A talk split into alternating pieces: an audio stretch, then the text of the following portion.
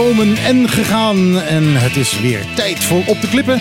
Uh, deze keer nou niet live vanuit uh, Trocadero, maar uh, dood vanuit Trocadero. Want we zitten nu in de Rond Single Studio. Op dit, nou ja, op dit moment dus niet. Maar niet voor jullie, maar wel voor ons. Want dit is vooraf opgenomen, want wij zijn er niet. Ingewikkeld, ingewikkeld, ingewikkeld. Maar, maar, we willen wel een programma doen. Ja, ja, ja. Dus, ja. Uh, we willen jullie niet in de steek laten. We zijn uh, drie weken met vakantie. Ja. En de, het is ons gegund, zeggen ze dan. Het is jullie wel gegund, maar ik bedoel een beetje overleg. Want dan hadden we het gezamenlijk kunnen plannen. Want jullie laten mij wel heel verlaten achter. Ja, maar jij, jij, moet niet, jij bent ook maar te gast. Ja, ik ben ook maar te gast. Maar ja, ik kom op. Ik ben zo'n gast met zo'n strippenkaart. Dat, ik bedoel, daar moet je voor zorgvuldig mee omgaan. Hallo? Ja, daar heb je gelijk in. Ja, daar heb je absoluut wel gelijk in. Maar uh, ik wil per se 1 oktober uh, in Nederland zijn. Want dan is mijn dochter jarig. Ja, maar het is nog helemaal geen 1 oktober. Nee, nee, nee, maar nou, nou. Dat is wel een reden om inderdaad op tijd af te reizen. Ja. Je moet ook altijd wennen weer in dat, want je gaat naar Nederland. Ja. We gaan het straks verder over.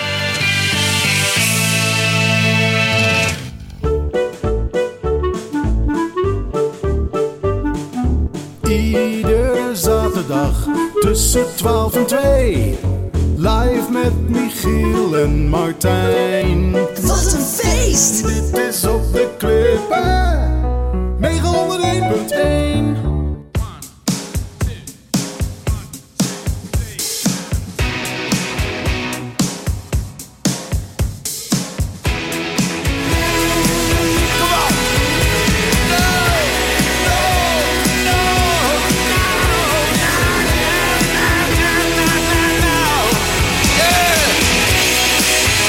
Angry. Angry heet hij. En het is de nieuwe single van de Rolling Stones. We draaiden hem vorige week ook al.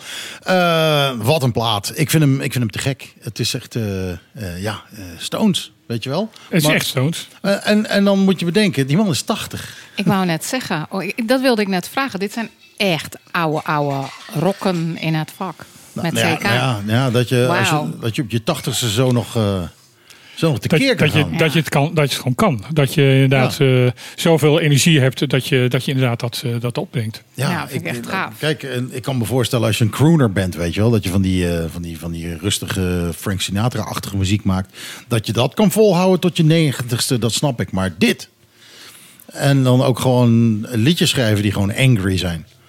Dat is... Ze, zijn het, ze zijn het gewoon nog, nog steeds niet kwijt. Nee, nee. Dus ze kunnen, met hun tachtigste kunnen ze het nog steeds. En kunnen ze meer rocken dan, eh, dan veel dan uh, jochies van, uh, van 20. Dan menig een. Ja, er was een, uh, was een interview met Keith Richards. En die zei van ja, als, als Mick Jagger je zanger is en je zanger zegt ik wil weer een album opnemen, ja, dan moet je komen. Dan ga je doen. Dan ga je het doen. En dat album dat komt eraan. Het heet Hackney Diamonds. En dat komt volgende maand of zo komt het uit. Uh, ik weet alleen niet wie er gedrumd heeft. Ik heb het hele internet afgezocht. Maar, uh, uh, want Charlie Watts natuurlijk, de drummer van de Stones, is uh, niet langer onder ons. Nee, die kan niet meer drummen. Dus misschien wel een, een drummachine, weet jij veel. Dat zo klinkt het niet. Nee, zo klinkt het niet. Nee. Nou, nou, dat, dat kun je met een sampler heel makkelijk doen hoor, dit. Nou, ja. het is niet... Zeker zo recht toe, recht aan. Ja. Dat is, ja. Want dat is dit wel. Het is bijna een loopje. Het is bijna een loopje, ja. Ja, dat klopt. Nou, misschien is het inderdaad wel een, een drum. Uh, maar misschien heeft hij ook een naam, die drumcomputer. Ik ga kijken. Misschien, misschien dat ik vorige week weet uh, of die, door wie die gedrumd is.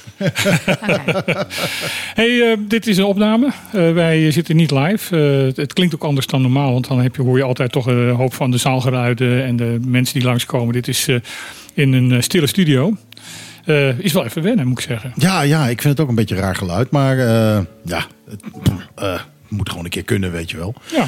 Uh, het, is, uh, het is anders. Maar ja, je hoeft nu dus niet, vandaag dus niet naar Trocadero te komen om uh, mee bij ons uh, te gaan zitten. Want, dat zou wel wat zijn. Dat is nou ja, ik net zeggen dat iedereen gewoon toch even gaat kijken, ja. gluren. Waar zijn ze dan? sowieso, hè? We, we, hebben nog helemaal niet gezegd wie jij bent. Ons, ons tuentje zegt gewoon wel dat het Michiel en Martijn zijn. En dan ben ik Michiel en Martijn is Martijn. Ehm, maar wie ben jij dan? Ja, we gaan uit van natuurlijk heel veel vaste luisteraars. Dus uh, ja, voor ja, alle ja, vaste luisteraars, ja, daar heb je er weer. Die Miet met de strippenkaart. Daar is Judith weer. Ehm, krullenbol en eh, ja, goed, nu niet zichtbaar. Judith Brekelmans, Yay. applaus. Eh, Ja. Dat uh, mixen Martijn Ja, er dat- later ja, wel dat in. doen we. Dat- Tuurlijk. Ja, daar- Ja hoor, daar is hij dan. Ja, je zou het bijna op, eh, opnieuw gaan doen om het zo mooi te krijgen.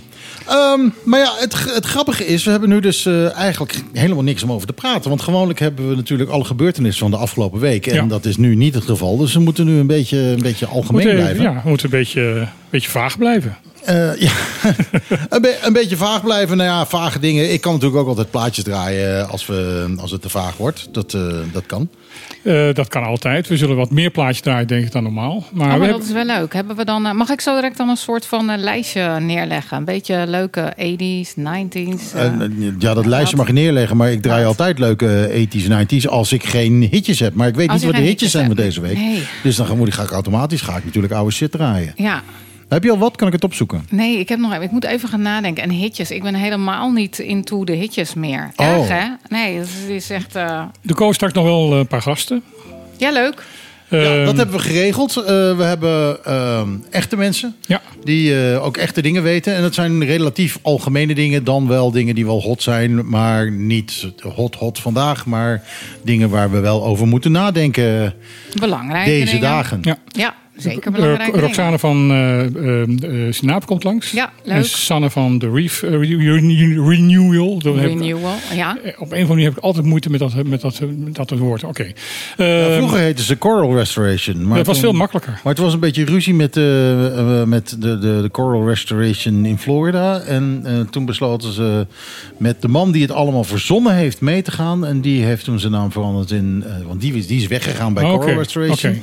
En die is doorgegaan als Reef Renewal. En wij zijn met hem meegegaan. Omdat hij de, eh, de head honcho is. Tenminste, dat is mij verteld. Oké. En ehm, als tweede gast, eh, dat is één groepje. En de tweede gast is eh, Maurice eh Adriaans Maurice, ja. van leuk. LVV. En daar gaan we het onder andere hebben over eh, ja, eh, wat, wat de LVV op dit moment eh, aan het doen is over eh, ja, met, met eh, eh, landbouw hier. Want dat is een vrij hot, hot item. Nou, landbouw, vee en visserij. Ja, en visserij. Want eh, de, de vissers, eh, dat is ook een, een artikel in het Caribisch eh, Netwerk. Vorige week. Voor eh, ergens de afgelopen weken. Maar dat is nog terug, terug te vinden. Je kan altijd de artikelen in het Caribisch Netwerk altijd makkelijk terugvinden. Ehm, eh, dat het op dit moment het, de vissers het heel erg moeilijk hebben. Deels omdat ehm, de, de zee gewoon leeg raakt. Ehm, dus, ze zeggen ook in dat artikel. Eh, vroeger, als je een paar uur ging vissen, dan had je 30 vissen. Nu, als je de hele dag vist, heb je er vijf. Ja, maar dat is tien jaar geleden is dat ook al eh, voorspeld, hè? Ja. Dos Winkel heeft dat al gezegd. Van, eh, maar ja, die heeft, die heeft tien jaar geleden gezegd... over vijf jaar is er geen vis meer.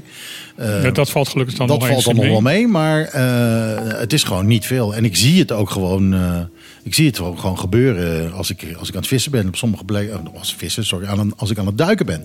Op sommige plekken... denk ik van, waar, waar zijn de grote vissen gebleven? Ja, maar een ander probleem is, is van dat eh, de regelgeving en diploma's en, en eh, certificaten die allemaal gehaald moeten worden, ook allemaal geld kosten. En dat hebben die vissers gewoon niet, omdat ze het al bij minder vissen hebben. Is dat voor het vissen of is dat om, om een boot te mogen besturen? Onder Of- andere, onder andere. Je, Oké. daar, daar zijn steeds meer regels aan gebonden, dus daar, eh, daar, dat is een probleem. Wij zijn toch nog steeds de enige plek ter wereld... waar je geen eh kapiteinspapieren hoeft te hebben om op een boot te zitten. Geen ja. vaarbewijs. Ehm, nou, dat begint er wel te komen volgens mij.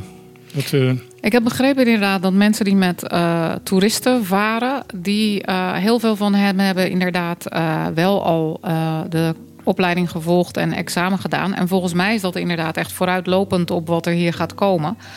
Maar wat ik begrepen heb, is dat vooral voor mensen die met mensen, toeristen in, in, vaak, eh, de zee op gaan. Dus ik weet helemaal niet hoe dat is met onze lokale vissers. Die natuurlijk eh, met medevissers op een klein bootje gaan. Ik heb werkelijk geen idee. ik, eh, nou, om heel eerlijk te zijn, ik ook niet. Maar we kunnen het straks aan Maurice vragen. Ja, Ja, Goeie gelukkig vraag. Nou, hebben we die daarvoor gaan we opschrijven, Nou, onthouden. Nou, nu we het toch over boten hebben. eh, ik heb hier een plaatje over een, eh, over een auto. Pink Cadillac.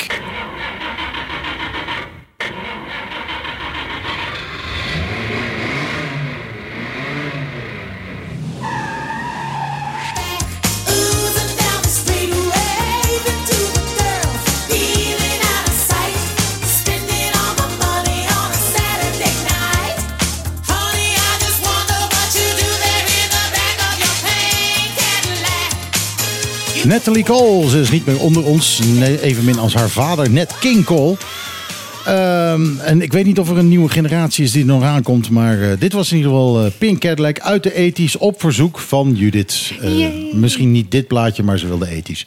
Dus eh, dat Als hebben je we gedaan. ethisch wil, dan zal je ethisch Ethisch krijgen. Zal je ja, maar kom maar op, ethisch kom maar op, krijgen? kom maar op. Ik, Ja? ja? Ja? ja hoor. Je hebt ook meisje, ik ben een zeeman. Is dat eh, ook jouw ding, ethisch? Nee, nee, nee. Maar dat is volgens mij nog voor 80s. Ja, denk je? Ja, denk het wel. Ik weet het niet. Ik zal het zo meteen eens even Zoek het kijken. eens op. Als, Ja. ik, als ik hem wel heb, dan draai ik hem. Oeps, oeps. Maar, maar dan met ook met een leuk loepje erachter. Ik heb net wat geleerd. Loepjes. Een loepje erachter. eronder. Een loepje. Ja, een, een loopje is één ding, maar dan moet er een beatje onder. Oh ja, dan een loepje en een beat. Oké. Een, een, een loopje met een beat. Een er moet er een loepje beat onder en het mag oh een loopje God. wezen. Nou, we gaan lekker. We, ko- we komen eruit. We komen eruit.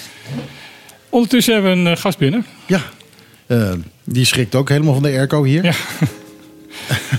Eh, Roxane. Van, nee, ja, toch? Ja, ja, ja. Ja, ja, ja. ja. Door iedereen gewoon Rox genoemd, toch? Ja, de meeste mensen noemen me gewoon Rox. On moeder rocks. noemt me nog Roxanne als ze boos is. Dus eh, Dus, liever niet. dus je, je hebt het gevoel alsof je, alsof je bedreigd wordt als je Roxanne genoemd wordt. Een klein beetje, ja. Maar met dubbel N of één N? Twee N. En een E erachter. Wel genoemd dus naar een eh, prinses, hè? Dat weet je. Of niet? Welk prinses? Prinses, De- prinses Roxanne, de vrouw van eh, Alexander, Alexander. de Grote. Ja, nee, die wist ik wel. Ja, inderdaad. Dat is eh, ja, fantastisch. Die, eh, Hij is niet alleen Nederlandicus, maar hij is ook een historicus. Dat, ja, eh, ach, ja. hij ik, is echt van alle markten thuis. Kan ook nog plaatjes draaien. Wat kan je niet? Eh, ja, ik kan plaatjes draaien. Dat werkt nog steeds. Eh, nou ja, wat ik niet kan is eh, eh, vertellen over wat er zoal in de zee gebeurt. Eh, maar dat kan Rox dan weer. Ja. En, nou, eh, nou, ik kan wel een beetje vertellen wat er in de zee eh, eh, gebeurt. Maar heb jij een, een update voor ons? Eh, ja, zeker. Dus eh, volgens mij was ik hier een paar maanden geleden. klopt. Ja. Eh, toen hadden we het gehad over de koraalziekte die nu is geconstateerd bij ons hier op Bonaire op het RIF. Ondertussen hebben we best veel gesprekken gevoerd, ook met TCB, met het eh, Bonhata, de mensen van Curo. Dus een beetje zo, eh, zo'n beetje iedereen die een belang heeft bij het RIF. Ehm, jammer genoeg zien we dat de ziekte zich nog steeds wel blijft verspreiden binnen het Bonaire National Marine Park. Eh, dus in het begin werd de ziekte geconstateerd eh, dicht bij het havengebied. Maar ondertussen is die al eigenlijk, hebben we hem geconstateerd op Klein Bonaire en ook overal tussen Pink Beach en Tolo. Ehm, en ik zag hem vandaag. Ik was vandaag aan het duiken bij Carpata. Daar heb ik ook een paar eh, Ja, coral dus- heads gezien. Het blijft zich verspreiden. Uh, het lastige van deze ziekte is, we weten nog steeds niet wat de oorzaak is. Dus wat is nou de pathogen? Um, we hebben een vermoeden dat het zich verspreidt via het waterkolom. Dus dat het zich voornamelijk met de stroming ook gaat blijven verspreiden. En ook dat omdat we vermoeden dat het om een bacterie gaat, dat die dan ook door andere factors verspreid kan worden. Dus mensen die dan bijvoorbeeld, uh, natuurlijk, ik hou ook heel veel van duiken. Dan ga je duiken, maar dan zit je met je pak in het water. Dan kunnen die ziekteverwekkers aan je pak blijven steken en dan ga je naar een andere plek. Dat is één manier waarop, uh, de men, waarop mensen denken dat je de ziekte ook kunt verspreiden.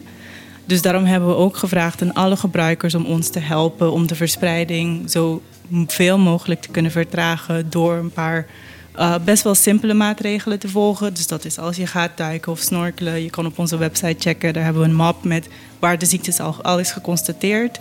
Dus ga eerst naar een gezond rif, daarna naar een ziek rif en niet de andere kant op. En als je klaar bent met je duikdag, dan gewoon eventjes heel goed al je spullen ontsmetten.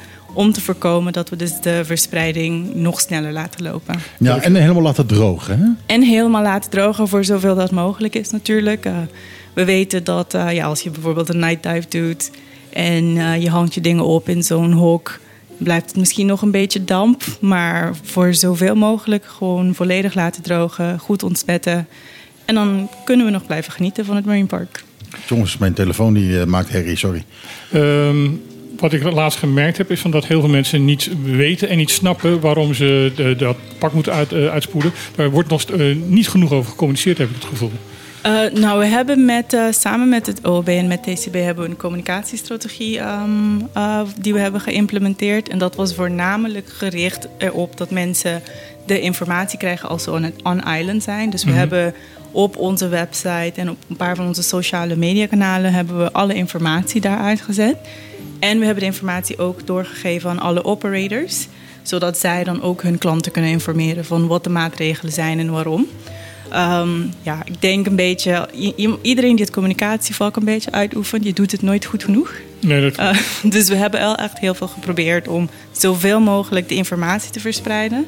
Maar dat te doen op een manier dat mensen niet laat afschrikken van... uh, niet dat ze dan zeggen, oh ik kom niet meer naar Bonaire, want oh het is te moeilijk. Of oh het is te ingewikkeld, dat wil ik niet doen. Nou, het is natuurlijk helemaal niet moeilijk. Elke duikschool heeft eh, gewoon zijn, eh, zijn spoelbakken en daar zit dat ontsmettingsmateriaal gewoon in. Het is gewoon, eh, net zoals altijd, gewoon je spullen spoelen. Alleen toevallig zit er nu ontsmettingsmiddel in. Wat, wat chemicaliën ja. Is die, ik zat laatst met iemand over te praten. Die zei van, ja, waarom leggen ze gewoon niet... Wordt er niet gewoon op het moment dat jij bij het vliegveld hier aankomt... gewoon die foldertje uitgedeeld van... hé hey jongens, dit is aan de hand. Uh, het is allemaal niet heel erg. tenminste, het, het, het, het, gaat hier niet heel erg veel uh, rare dingen opleveren bij je vakantie. Maar hou je hier aan, hou je hier aan, hou je hier aan. Ja, nee, um, we hadden, en volgens mij doen we dat nog steeds wel... dat voor bepaalde vluchten doen we nog de folders of flyers uitdelen... Uh, zodat mensen op het moment van aankomst meteen weten van... oh, dit zijn de dingen waar wij dan rekening mee moeten houden als we uh, op Bonaire zitten. Weet je ondertussen al iets meer over dat hele Stony Coral Tissue Loss Disease? Um, nou, nee. En dat is niet alleen ik. Dat is in principe de hele wetenschap. We zijn al bijna tien jaar bezig om te proberen te achterhalen wat de oorzaak is en hoe het zich verspreidt en wat de impact daarvan kan zijn. Want de ziekte was voor het eerst geconstateerd in Florida in 2014. Um, en op dit moment helpen wij hier op Bonaire ook mee aan dit soort onderzoeken. Dus door het documenteren van de uitbraak. We nemen ook samples. We proberen dingen uit. Op die manier hopen wij dan ook bij te dragen aan een soort van de kennisbasis rond deze ziekte. En dan komen we hopelijk wel sneller tot een oplossing. Ja. Um, wat mij bijvoorbeeld opvalt, uh, ik heb de hele week gedoken. En uh, heb dus ook de hele week ook naar uh, Skittle D zitten kijken. En wat mij opvalt, uh, en ik weet niet of je daar op wat voor manier dan wat mee kan, is dat butterfly fish heel vaak rond dat, dat dode koraal zitten. Ja, dat hebben we hier gemerkt, maar ook op andere plekken. En het, wat we denken is dat ze vooral achter dat tissue dat loskomt, ja. dat is wat ze lekker vinden. Ja. Dus het is niet dat ze van specifiek van een, een ziek koraal naar een gezond koraal aan het rondflitteren zijn. Het is meer van, oh, hier is eten, dus dan ja. gaan we hier eten. het zijn gewoon lijkenpikkers. Ja, eigenlijk Daar wel. komt het op neer. Ja, daar komt het op neer. Wauw. Uh, maar, dan, uh, maar ik ben wel blij dat je dat ook gezien hebt dan. Ja. Dat ik toch niet de enige ben. Nee, ik nee, denk nee. van nou, nou ga ik toch wat nieuws tegen je zeggen. Maar dat is, uh... dat je dacht een scoop te hebben. Ja, nee, dat is natuurlijk niet zo. Het is gewoon, je, ja, je probeert op je eigen manier toch een beetje mee te denken. Uh, maar dat had je al lang gezien dus. Ja, nee, maar het is wel uh, wat we ook eigenlijk iedereen, voor iedereen willen benadrukken... is als je observaties hebt, laat het ons gewoon weten. Want toevallig heb ik dit al gezien. Maar voor hetzelfde geld had ik het ook niet ge, uh, gezien. Dus je weet maar nooit. Ja. Uh, laat ons weten. Alle informatie die we hieromheen kunnen verzamelen... kan helpen om hier een oplossing voor te vinden... maar ook om in de toekomst uh, beter voorbereid te zijn op de volgende ziekteuitbraak. Maar er is ook een oproep tussen aan alle mensen die uh, naar dit programma luisteren. Van jongens, uh, merk je wat, zie je wat, geef het alsjeblieft door. Ja. Ook al heb je het gevoel van, ach dat weten ze vast wel, toch doen. Ja, geef het allemaal door, want je weet maar nooit. Oké, okay. ondertussen nog iemand anders aangeschoven. Ja. Ja, uh, klopt. Ja, je, je moet wat dichter bij de microfoon komen. Dichter bij de of de microfoon iets naar, naar, je toe trekken, dat is misschien dat, handiger. Ja, dat kan ook. Dat, ja, nou, niet, niet zo, zo. Let op, hier. Ah, nou, uh, gezicht. sorry, dit is de eerste keer dat ik uh, dit zo doe voor de radio. Nou, dan doe je het goed hoor. wil, wil, je, wil je achteruit hangen? Want dan doe ik hem zo. En anders, iets, ja, zo. Ja. Zo is prima. Ja, Oké, okay. je moet er wel een beetje dichtbij zijn. Je moet de microfoon een beetje kussen. Dat is het, dat is het beste. Oké, okay, oké, okay, oké. Sanne, wie ben jij? ik ben Sanne en ik ben Operations Coordinator bij Reef Renewal Bonaire. Uh, en zodat ik wat laat was, ik kwam net eigenlijk van onze uh, soort van lab. Uh, om naar onze koraallarven te kijken. Nou, maar dat heb je met live radio. Nou is het geen live radio, maar dat heb je dan toch bij live radio. met live opnames. live opnames. We, we, nemen live op. Um, nou ja, we hebben het over Skittle D, de, de koraalziekte die momenteel heerst rond, rond onze eilanden. Die alleen, tenminste zeg ik dat goed, alleen de harde koralen... het is Stony Stony Coral Tissue Loss. Dus het zijn Klopt. de steenkoralen. Breinkoraal heeft er veel last van. Breinkoralen hebben er heel veel last van. De sterkoraal. Dus op dit moment is het voornamelijk inderdaad die harde koralen. Ja. En dat zijn de koralen die soort van het structuur op het rif bouwen. Dus ja. zij maken echt van deze hele grote skeletten. Ehm, niet alle soorten worden even eh, eh, op dezelfde manier aangetast door de ziekte. Dus dat maakt het soms ook een beetje moeilijker om te achterhalen of een koraal nou deze ziekte heeft of misschien toch iets, net iets anders. Ehm, maar we hebben het nog niet gezien op eh, de soort van de wire-koralen en die gorgonians. Eh, op de brandkoralen, ja, daar heb ik mijn eigen meningen over, dat, eh, die koralen. Daar hebben we het ook nog niet op gezien. Ja, daar liggen we niet graag op te rollen. Nee. Maar, maar ehm, eh, hoe... ik zie twee dingen. Enerzijds, ik zie af en toe aangetaste koralen en daartussenin... gewoon er recht tussenin, een hele grote bol die helemaal niets heeft. Eh, is dat gewoon toeval? Heeft hij even geluk gehad en is hij volgende week aan de beurt? Of, eh, ehm, of hebben we, zien we wel al bepaalde... eh, ja, eh, Resistente. koralen? Resistente Ja. koralen. Nou, het is nu nog te vroeg om te zeggen. Dus we zitten voor Bonaire, is de uitbraak begonnen in februari, eh, maart. En of we nou resistente individuen over hebben, dat kunnen we waarschijnlijk pas over een jaar zeggen. Ja. Ehm, ja, waterstroming op het rif is een heel ingewikkelde topic. Dus hoe precies het water stroomt over welk koraal eerst en dan langs welk Ja. ander koraal, dat is gewoon ja, te ingewikkeld voor ons om zelfs te modelleren. Dus laat maar staan uit te leggen. Ja, wat moet je doen? Moet je een kleurstofje in het water gaan zitten? Dat is één manier, maar dan heb je heel vaak dat er dan ook nog andere dingen zijn waardoor de kleurstof op een Ja. andere manier gaat bewegen. Uh, maar je ziet wel inderdaad, soms heb je pockets van de disease. Dus dan heb je op een bepaalde plek is alles eromheen is aangetast. En dan vind je hier en daar nog een paar die nog geen ziekteverschijnselen vertonen. Um, het is een combinatie van, ik zou zeggen, die heeft geluk gehad en hoe het water stroomt. En misschien is het ook nog een, een genotype dat een beetje Ja. resistenter is. Uh, of we resistente individuen over hebben, dan uh, kunnen jullie me ooit nodigen Maar volgend jaar. De, ziekte is ooit begonnen in, in, in Florida, heb ik begrepen. Ja.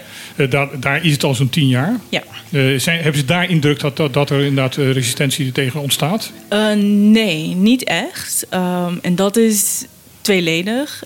Aan de ene kant, het RIF in Florida was al heel heftig aangetast. Ook voordat de ziekte Ja. um, was aan, um, ja, uitgebroken, laten we zeggen. Um, maar Florida heeft een soort van een aantal verschillende technieken toegepast om te proberen koralen te redden. En één daarvan was op een gegeven moment dat ze alle gezonde koralen die ze nog over hadden uit het water hebben gehaald. Dus dan weten we nu niet echt of er resistente individuen tussen zitten. Op andere plekken waar ze de uitbraak ook al hebben gehad, zoals in Honduras en in Dominica, zien ze dat in het eerste jaar is de ziekteprevalentie echt super hoog. En dan wordt het soort van een beetje endemic. Dus dan moet je, als je het zou vergelijken met, ik haat deze vergelijking, maar het is wel een goede, als je het zou vergelijken met COVID. Je had eerst een hele grote ehm, Piek. piek. Ja. En dan is het soort van, het is er nog. We doen allemaal alsof het er niet meer is. Maar het, het leeft is nog nog wel, steeds. Het is maar- nog wel daar, maar in veel, op Ja. veel lagere prevalentie. Nou, dat was het andere waar ik over, een vraag over wilde stellen. We hebben met COVID natuurlijk gezien, en, en dat eh, tast de mensen aan, eh, dat dat eh, muteerde. En dat er een andere versie kwam. En eh, dat het allemaal weer helemaal opnieuw begon. En eh, ja, as we speak komt er alweer een nieuwe COVID-variant aan die vrij heftig is. Maar goed, dat terzijde. Eh, we hebben het nu over koraal. In die tien jaar Florida hebben ze dat gezien, dat er mutaties zijn. Nou, dan gaan we de kant op van natural selection en competition. Ehm, Dat mag. Dat, Dat weten, kan. Dat In dit kan, programma kan dat. het. Dat, dat weten ze nog niet. En, de, en dat is gewoon omdat we nog niet eens weten wat de pathogeen oorzaak- is. Ja. Ja, dus we kunnen ook niet kennen, vergelijken met... eh, oh, die eerste versie die zag er zo uit... en dan de volgende versie die zag er zo uit. En heel vaak om dit soort mutaties te krijgen... heb je eigenlijk ja, een ziekte of een bacterie of een virus... die probeert altijd om zich zoveel mogelijk te blijven verspreiden. En met COVID, op een gegeven moment hadden we vaccinaties tegen één soort... en hadden we allemaal andere ehm, maatregelen genomen... waardoor het voor die ziekte wat moeilijker werd om zich te verspreiden. Dus dan gaat het muteren en dan krijg je al deze andere mutaties... die dan hopen dat zij dan net wat sneller en wat makkelijker kunnen verspreiden. Voor deze koraalziekte weten we het nog niet. Dat zou best kunnen. Sanne, Ehm, Roxane zegt net van dat, eh, dat er op, op een aantal plekken, eh, ook in, in Florida dus, koraal het water uitgehaald wordt. Of is het van de plek afgehaald wordt. Ja. Eh, Zitten jullie daar ook over te denken? Ja, de- Ehm. we hebben het nu over, eh, moeten we misschien even duidelijk maken. Eh, Sanne, jij bent van de Reef Renewal. Heeft ze gezegd. Eh, jullie zijn, ja dat weet ik, maar ehm, we hebben niet echt gezegd waar ze mee bezig zijn. Jullie zijn al een paar jaar bezig met het ja, terugfokken en terugplanten van bepaalde koraalsoorten die eigenlijk in eh, de storm Lenny in 1999 eh, allemaal zijn weggeslagen. Dat heeft zich in het begin eh, vooral gericht op het hertshoornkoraal en het elandshoornkoraal. Klopt. Ehm, en ja, nu gebeurt er opeens zoiets als dit. En ja, jullie springen er ook een beetje in, hè? Nou ja, dat klopt. We zijn ehm, inderdaad, zoals gezegd, al nu tien jaar bezig met het restaureren van Bonaires koraalriffen. Ehm, en inderdaad, we begonnen met de vertakkende koralen. De twee koralen die echt nou, heel erg verminderd zijn in de afgelopen 50 jaar. En je bijna sommige plekken gewoon niet meer ziet. Maar zich ook Ehm, lekker makkelijk laten fokken, toch? Inderdaad, ook vrij makkelijk zijn te fragmenteren in onze koraalkraamkamers onder water. Ehm, maar we zijn eigenlijk ook al sinds 2019 bezig met het ehm, vergroten van de genetische diversiteit op het rif. De, wat we gebruiken is eigenlijk de fragmentatie, de vertakkende koralen, wat we, waar we heel veel mensen weten waar we mee bezig zijn. Daarmee vergroten we dus de, de hoeveelheid van het koraal op het rif. Maar sinds 2019 zijn we gepartnerd met een organisatie eh, uit Curaçao, Secor International. En daarmee focussen we op de seksuele reproductie van koralen. Want koralen zijn natuurlijk dieren. En zij seksuele reproduceren net zoals de mens. Nou ja, wel iets anders, maar net zoals Maar de mens. zich. zich, ja. Ehm, en wat we doen is eigenlijk, we vangen de, eh, de cellen, dus de ei- en spermacellen op. En we helpen de fertilisatie. Ehm, en dat, zijn die tentjes die op, op dat water zijn die tentjes, inderdaad. We gaan met een soort van netten onder water. En dan brengen we het naar buitenwater. Daar helpen we de fertilisatie. Dus wat we doen is van verschillende koloniën eh, doen we het bij elkaar. Waardoor je de fertilisatiekans vergroot. Want dat je ook heel veel ziet onder water. Het is kuitschieten wat ze doen. Dus ze laten allemaal bunnetjes van ei- en spermacellen los. Maar het punt is, als je al niet zoveel van deze kolonies hebt, de kans dat zij hun genetische match vinden Ja. is vrij klein. Dus eigenlijk wat wij doen is wij helpen deze methode. Ehm, dus we gooien van eh, verschillende koloniën bij elkaar, zodat je een grotere kans hebt van fertilisatie. Dan laten we die soort van opgroeien tot koraallarven, dus dat ze echt gaan rondzwemmen.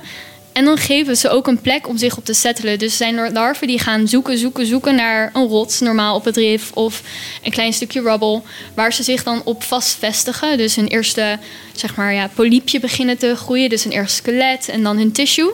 En wat we doen is, we geven hun, zeg maar, al ehm, zijn keramische eigenlijk sterren waar ze zich dan op kunnen vestigen. En die keramische tegels die kunnen wij dan op bepaalde plekken strategisch juist weer uitplanten op het rif op Bonaire, waar ze een kans hebben om goed op te groeien. En juist met deze methode, wat nu gebeurt met de Skiddle is super belangrijk. Want juist door die genetische diversiteit heb je de kans dat je een koraal tussen zit, die juist wat meer weerstand toont tegen deze ziektes. Ja, omdat eigenlijk eh, het koraal nu, eh, als het gewoon met de stroming meegaat, is eigenlijk een- een- nou ja, om, om een beetje, een beetje grof te zeggen, inteelt. Het zit gewoon, eh, dus, hè, dat koraal zit, eh, zitten een paar bolletjes bij elkaar en die zijn dan de hele tijd elkaar aan het, eh, aan het bevruchten. en, dan, en dan nemen jullie het mee naar een kilometer verderop, bij wijze van spreken, ehm, waar het ja, echt, echt even een hele nieuwe, Ja, inderdaad. En we nieuwe DNA gaat vinden. Ja, en we proberen echt van zo verschil, zoveel mogelijk verschillende koloniën proberen we het bij elkaar te mixen. Eh, zodat je juist die genetische diversiteit zoveel vergroot. Ehm, en juist dus nu, nu Skittle die hier op Bonaire is, wat wij vooral zijn gaan doen, is ons hier dit meer te intensificeren. eh, te vergroten, onze, je, onze effort hierin, in deze methode. Maar ook om het te com- combineren met het fragmenteren. Dus wat wij ook bijvoorbeeld hebben gedaan is, we hebben gekeken van in de zones waar het rood is, dus waar de ziekte zich vooral juist vanaf het begin nu echt heel erg al lang bezig is. Te kijken van, hey, is daar misschien nog een koraal die zich nu, nu nog gezond is? Eh, en die koralen die gezond zijn, die hebben we nu gefragmenteerd. Om te zorgen dat van die koralen die nu nog soort van, soort van ja, weerbaar tonen tegen de ziekte, dat daar meer van komen op het rif. En juist dan willen we die fragmentatie met die seksuele re- reproductie combineren, zodat je en meer koraal op het rif hebt, maar ook meer genetische diversiteit. Ja, eh, nou dat is een heel mooi, heel uitgebreid antwoord. En eh, ik ga je nog meer over vragen, maar het is tijd voor een plaatje. Eh, en ik heb hier uitgekozen dat, ja, wat dat gaat ook over deze wereld van water, namelijk World of Water.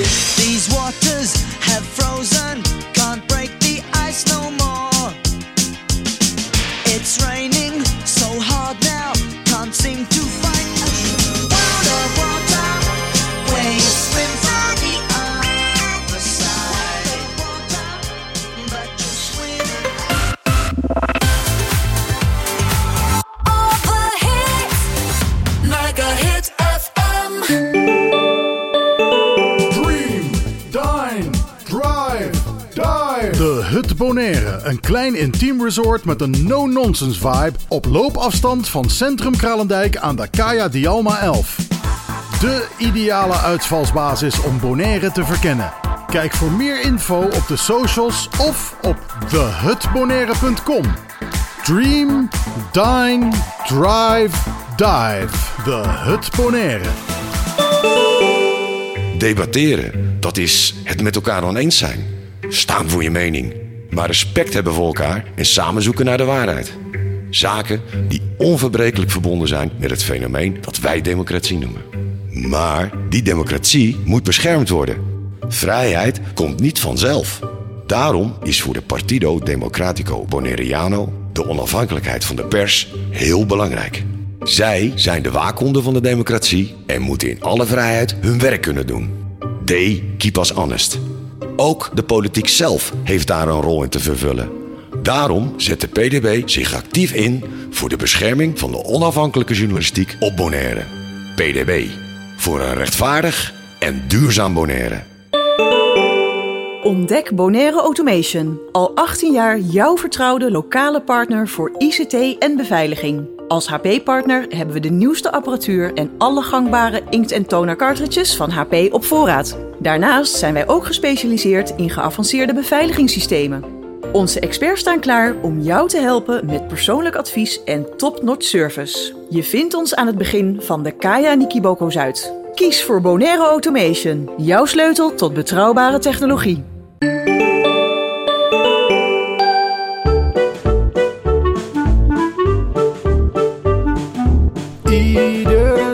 Zaterdag tussen 12 en 2.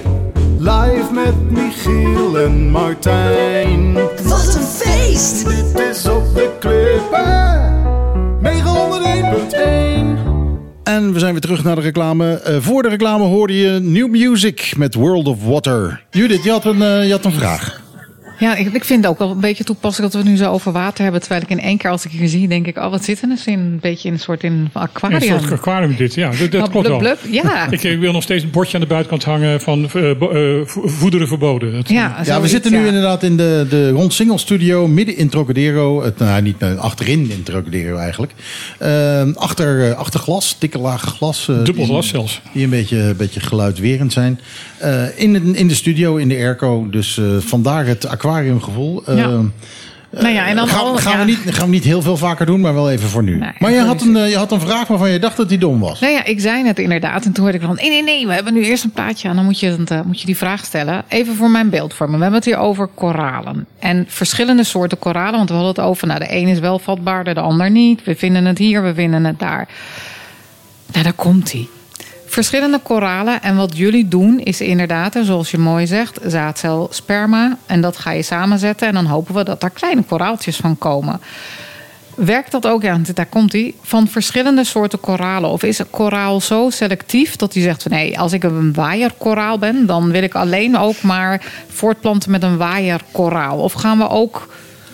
Hoe zit dat? Hoe werkt dat in koralenland? Ehm, het is vrij gecompliceerd en... ehm, Oh god, daar was ik alweer bang voor. ja, dat is dus weer.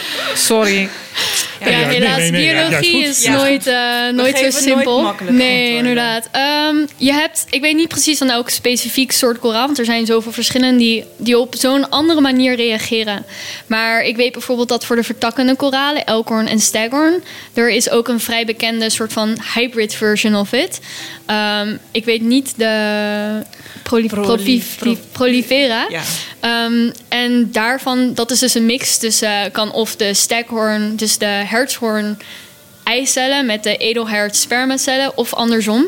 Eh, en deze soort die kan je ook op Bonaire vinden. En die kan je op heel veel verschillende plekken vinden. Dus er bestaan ook inderdaad soort van mixen tussen soorten. Maar het verschilt heel erg specifiek. Hoe wat je werk je. Ehm, ze zien er net wat anders uit. Het is soms lastig om te zien. Ehm, het is vooral eh, ja, een mix tussen de edelhert en de hertron eh, koraal. Ehm, ja, het ziet er gewoon net wat anders uit. Je kijkt naar en je denkt, Hè, is dit hertron koraal? Nee, toch niet. Eh, misschien een edelhert, maar misschien is het ook een mix. Ik weet niet Dit- of jij... dus je zit te kijken van nou, het- is het nou... Ja, het hangt ervan het, het af. hangt echt een beetje af. Want wat je ook ziet met die, met die hybriden... is dat twee hybriden ook anders uit kunnen Ja. zien van elkaar. Dus het hangt ook echt dan denk ik af van... oh, was het nou het eicel van het eentje Klopt. en een spermcel van het Ja. andere of niet?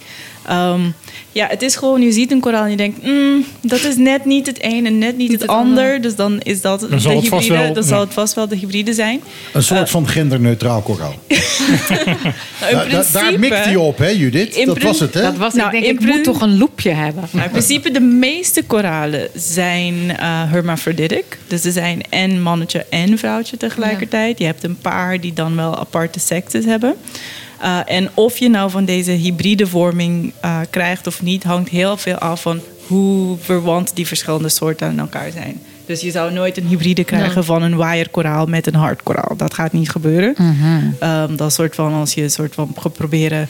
Niemand moet dit doen, maar gaan we proberen om een hybride te maken van, ik weet niet, een vis en een hond.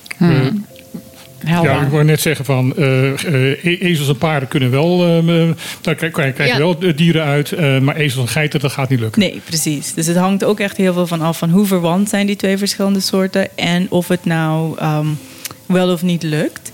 Uh, koralen, daar kan Sanne ook veel meer over vertellen. Maar koralen hebben een heel slimme manier bedacht om te zorgen dat hun eh, eicellen en spermcellen op elkaar kunnen ontmoeten. Dus elk soort heeft een bepaalde window waarin zij zich gaan voortplanten. En dit is echt heel specifiek per soort, waardoor het ook veel moeilijker is om dit soort van hybride vorming te krijgen.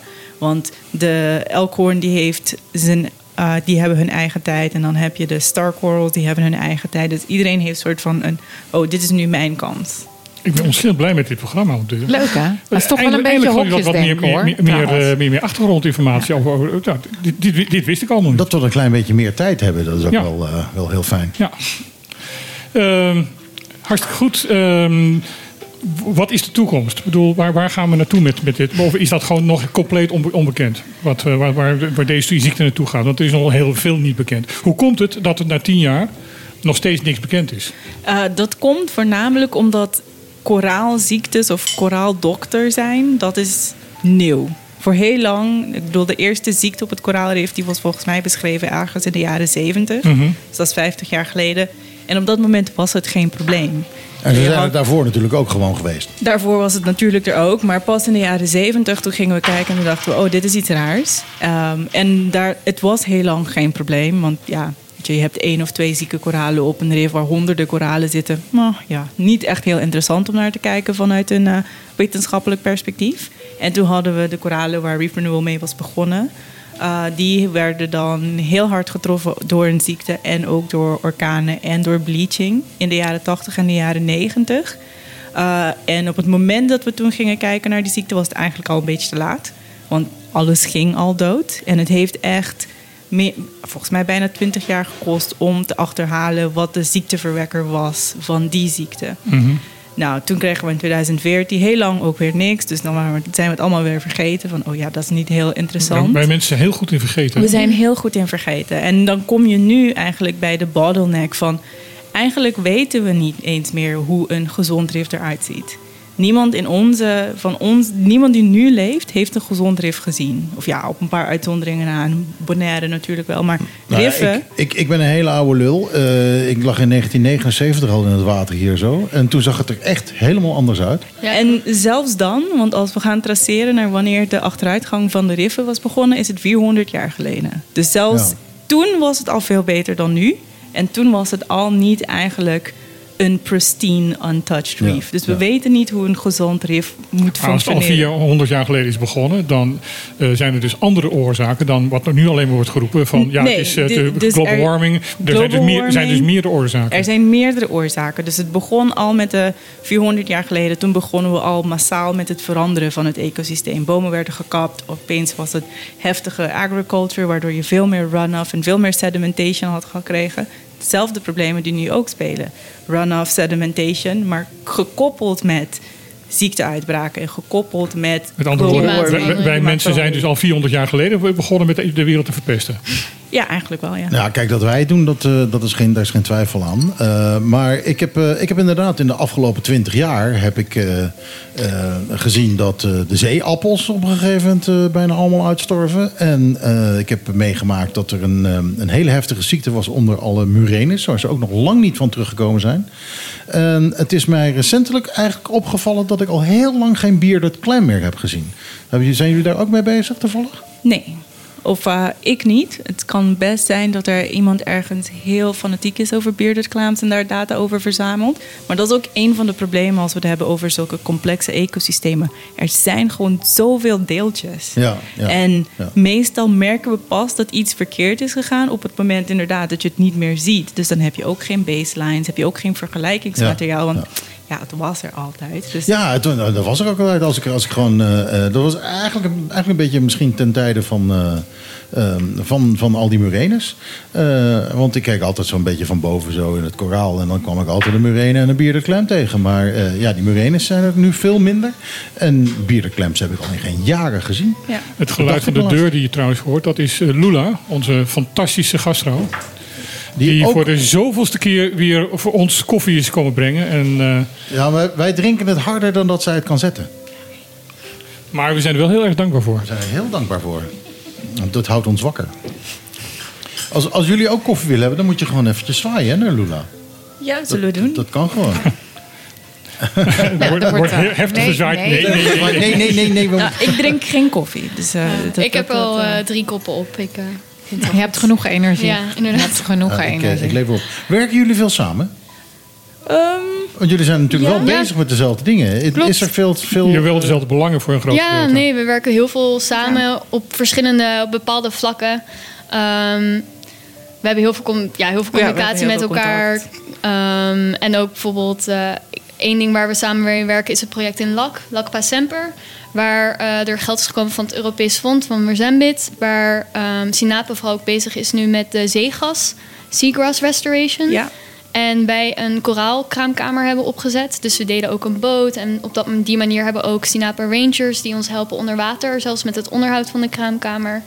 Ehm, dus op bepaalde projecten werken we ook heel veel samen. Lak, lak is trouwens ook een probleem dat het dichtslipt, hè?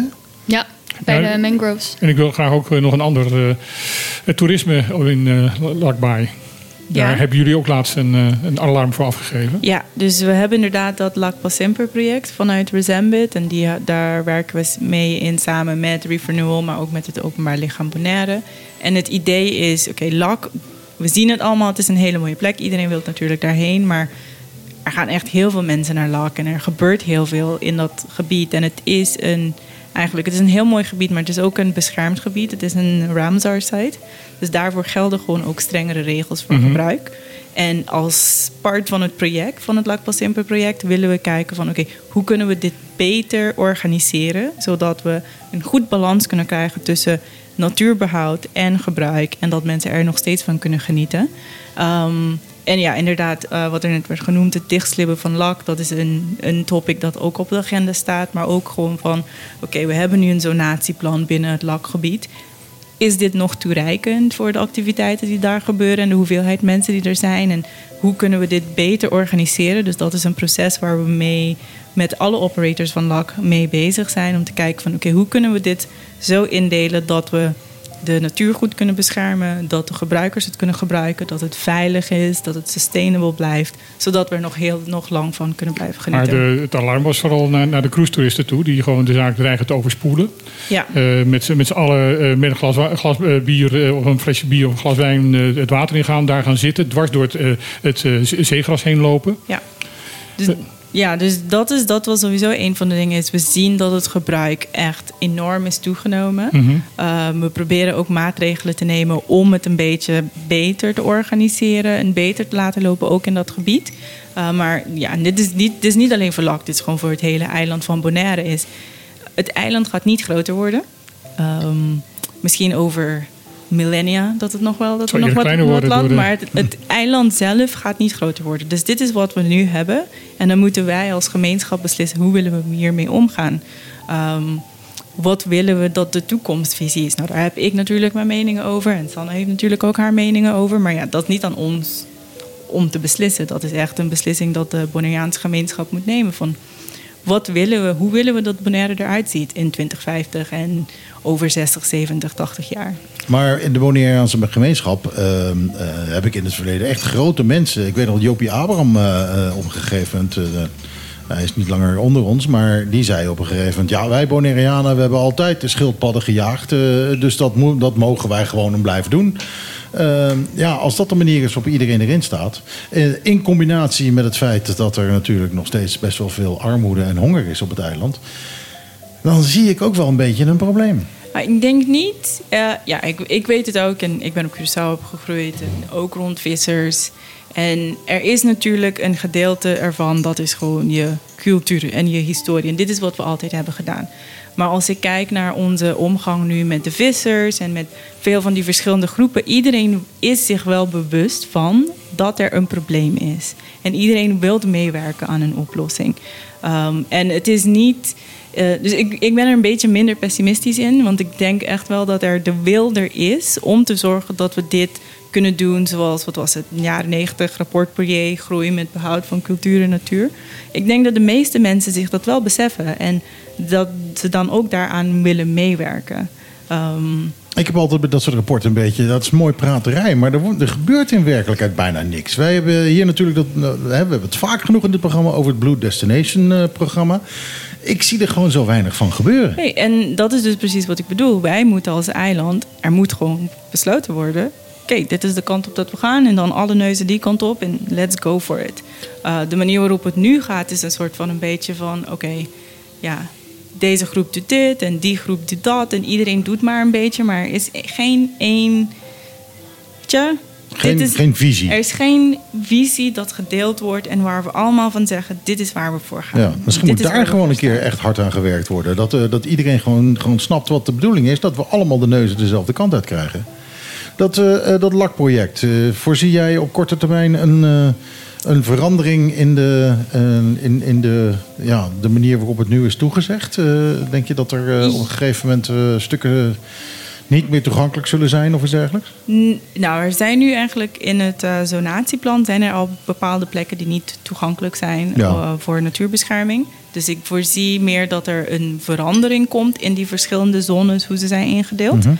Um, vanuit onze kant hebben we ook um, via het Resembit project hebben we nu dat er elke dag twee rangers zijn in dat gebied om mensen te informeren, vragen te beantwoorden en ook om te zorgen dat inderdaad de regels worden nageleefd. Uh, en daar hebben we al een positieve uh, impact van kunnen zien. En we zijn natuurlijk ook met het openbaar lichaam bezig over de vergunningverlening op het hele eiland, maar ook in het gebied van LAC. Van oké, okay, hoe kunnen we ervoor zorgen dat alles wat nu gebeurt, dat het legaal gebeurt en dat het op een uh, sustainable manier gebeurt. Zonder dat we dan extra schade gaan aanrichten aan dit gebied. Ja, ik, uh, ik loop daar wel eens naar binnen met een, uh, met een metaaldetector zo over dat zand. En, ik, ik, kan je vertellen dat ehm, ik best wel weinig uh, bottlecaps vind daar zo. Dat uh, mensen lopen niet echt uh, met bottlecaps het water in. ik vind wel van die, van die blikkenringetjes, weet je wel. Ja.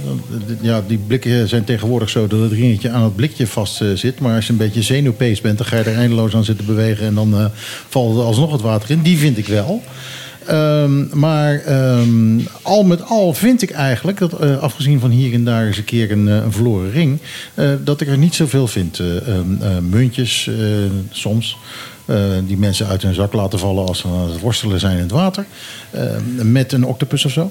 Eh, maar. eh, Of een schildpad. Nee, ehm, eh, ik heb het hier, zelf, denk ik, als ik zo eens kijk, denk ik dat het allemaal best wel goed gaat. Die servers blijven allemaal lekker dicht bij Sorobon.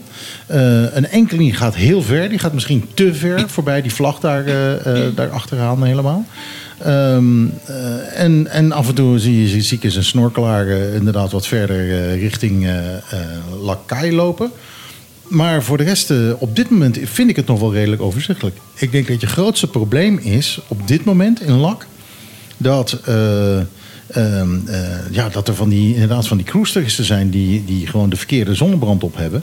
Eh, en dat die daar het water in lopen. Want eh, ehm, dat merk ik af en toe wel. Dat is, soms zit er, staat er echt een, zo'n zo'n zo'n laagje bovenop het water. Een beetje water ook gewoon mistig. Ja, nee, dat is. ehm, we hebben met de verschillende stakeholders hebben we ook verschillende meetings gehad over oké, wat vinden jullie speerpunten, wat zijn belangrijke dingen voor jullie. En de zonnebrandkwestie, dat komt wel vaker terug.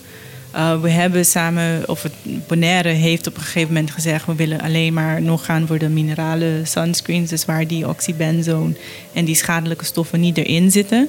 Um, dan moeten we gewoon wel nu beter en meer gaan oppakken Ja, echt controleren. echt controleren en Ja. zorgen dat mensen ook gewoon de juiste. Eigenlijk ten eerste de informatie en dat het hebben. niet meer op het eiland te krijgen is. Precies, dat je dit niet meer op het eiland kunt krijgen. Dat mensen de informatie hebben. Dat ze begrijpen ook waarom deze dingen worden gedaan. Het is niet alleen omdat wij het levens duur willen maken. Maar het is echt omdat het is wetenschappelijk bewezen dat deze sunscreen heel slecht kan zijn voor het koraalrif. En dat de concentraties binnen lak op een gegeven moment echt heel hoog waren. Omdat ja, het is een kleine baai met heel veel mensen. Ehm, en zo zijn er wel meer van die soort van ja, speerpunten waar we onder dit project van LACPA Simper aan willen werken. Maar niet alleen als TINAPA, maar met een renewal, met het OLB, met de operator, zodat we het allemaal echt wel samen doen. Met z'n allen. Precies. Eh, maar ja, goed, het probleem blijft natuurlijk altijd dat, die, eh, ehm, dat op die cruiseschepen... ja, die mensen hebben, weet ik veel, in Amerika, in eh, Colombia... of waar ze ook zijn opgestapt, eh, hebben die iets gekocht. Ja. En die smeren dat op en dan gaan ze de boot af. Ja, ook ook de, de, de, cru- de cruiseschepen zouden gewoon moeten vertellen aan hun klanten van jongens, eh, die eh, zonnebrand komt hier niet op het schip. Precies. Of ja, je komt op Bonaire, hier kan je het niet gebruiken. Ja. Eh, een van de ideeën die was voorgesteld in onze laatste Marine Park Platform meeting was bijvoorbeeld op sommige plekken heb je van die sunscreen dispensers.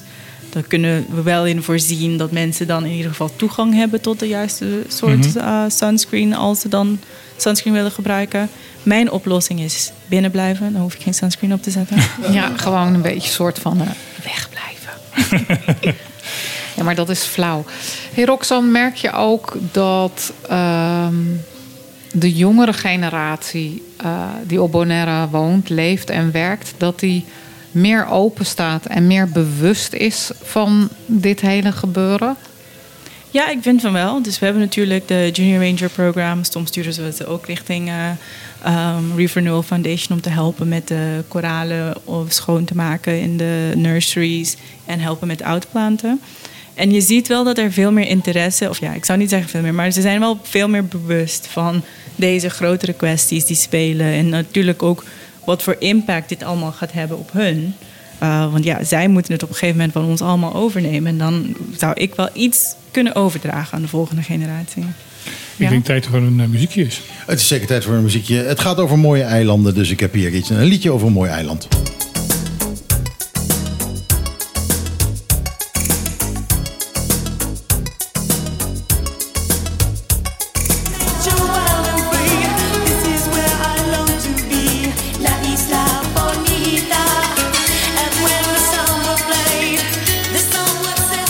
Madonna natuurlijk met La Isla Bonita. Sanne, eh, jij zit bij Reef Renewal. Eh, wat we eigenlijk eh, niet hebben gezegd nog, en ik vind dat eigenlijk een ontzettend belangrijk ding. Ehm, eh, toen jullie begonnen met, met het koraal te renewen, toen jullie nog ehm, eh, eh, wat was het Coral Restoration Project waren. Ehm, toen is er eigenlijk maar één keer is er geharvest. Hè? Maar één keer heb je gezegd van nou, ehm, we halen nu wat, ehm, ehm, wat koraal uit eh, het water weg. En daarna ben je gaan, eh, ben je gaan, gaan eh, die, die stukjes die heb je in die, in die onderwaterbomen gehangen. En dat wordt dan groter. En dan breek je, breek je een stukje af, dat plantje weer. Maar je hebt nooit meer opnieuw ehm, uit de zee nieuw koraal gehaald, hè? Het klopt dat we per soort hebben we één keer geharvest. Dus bijvoorbeeld Ja. één of twee keer eigenlijk. We hebben voor de, de edelhert en hertshoornkoralen hebben één of twee keer geharvest. Voor onze sterkoralen, die we ook hebben in onze kraamkamers onder water. We hebben drie soorten sterkoralen. Hebben het ook één keer gedaan.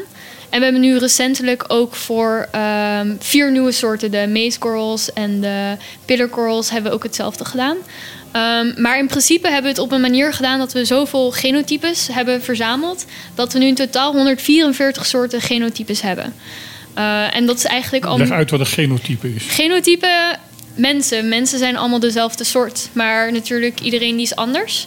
Eh, iedereen, iemand die wordt eerder verkouden en de andere die, wordt, e- die verbrandt eerder. Eh, iemand die heeft maagproblemen. Hetzelfde met koralen. Dus eigenlijk, koralen zijn allemaal, als je één soort hebt, zijn allemaal dezelfde soort. Maar elk kolonie is zo genetisch anders van de ander dat ze andere sterke punten en zwakke punten tonen.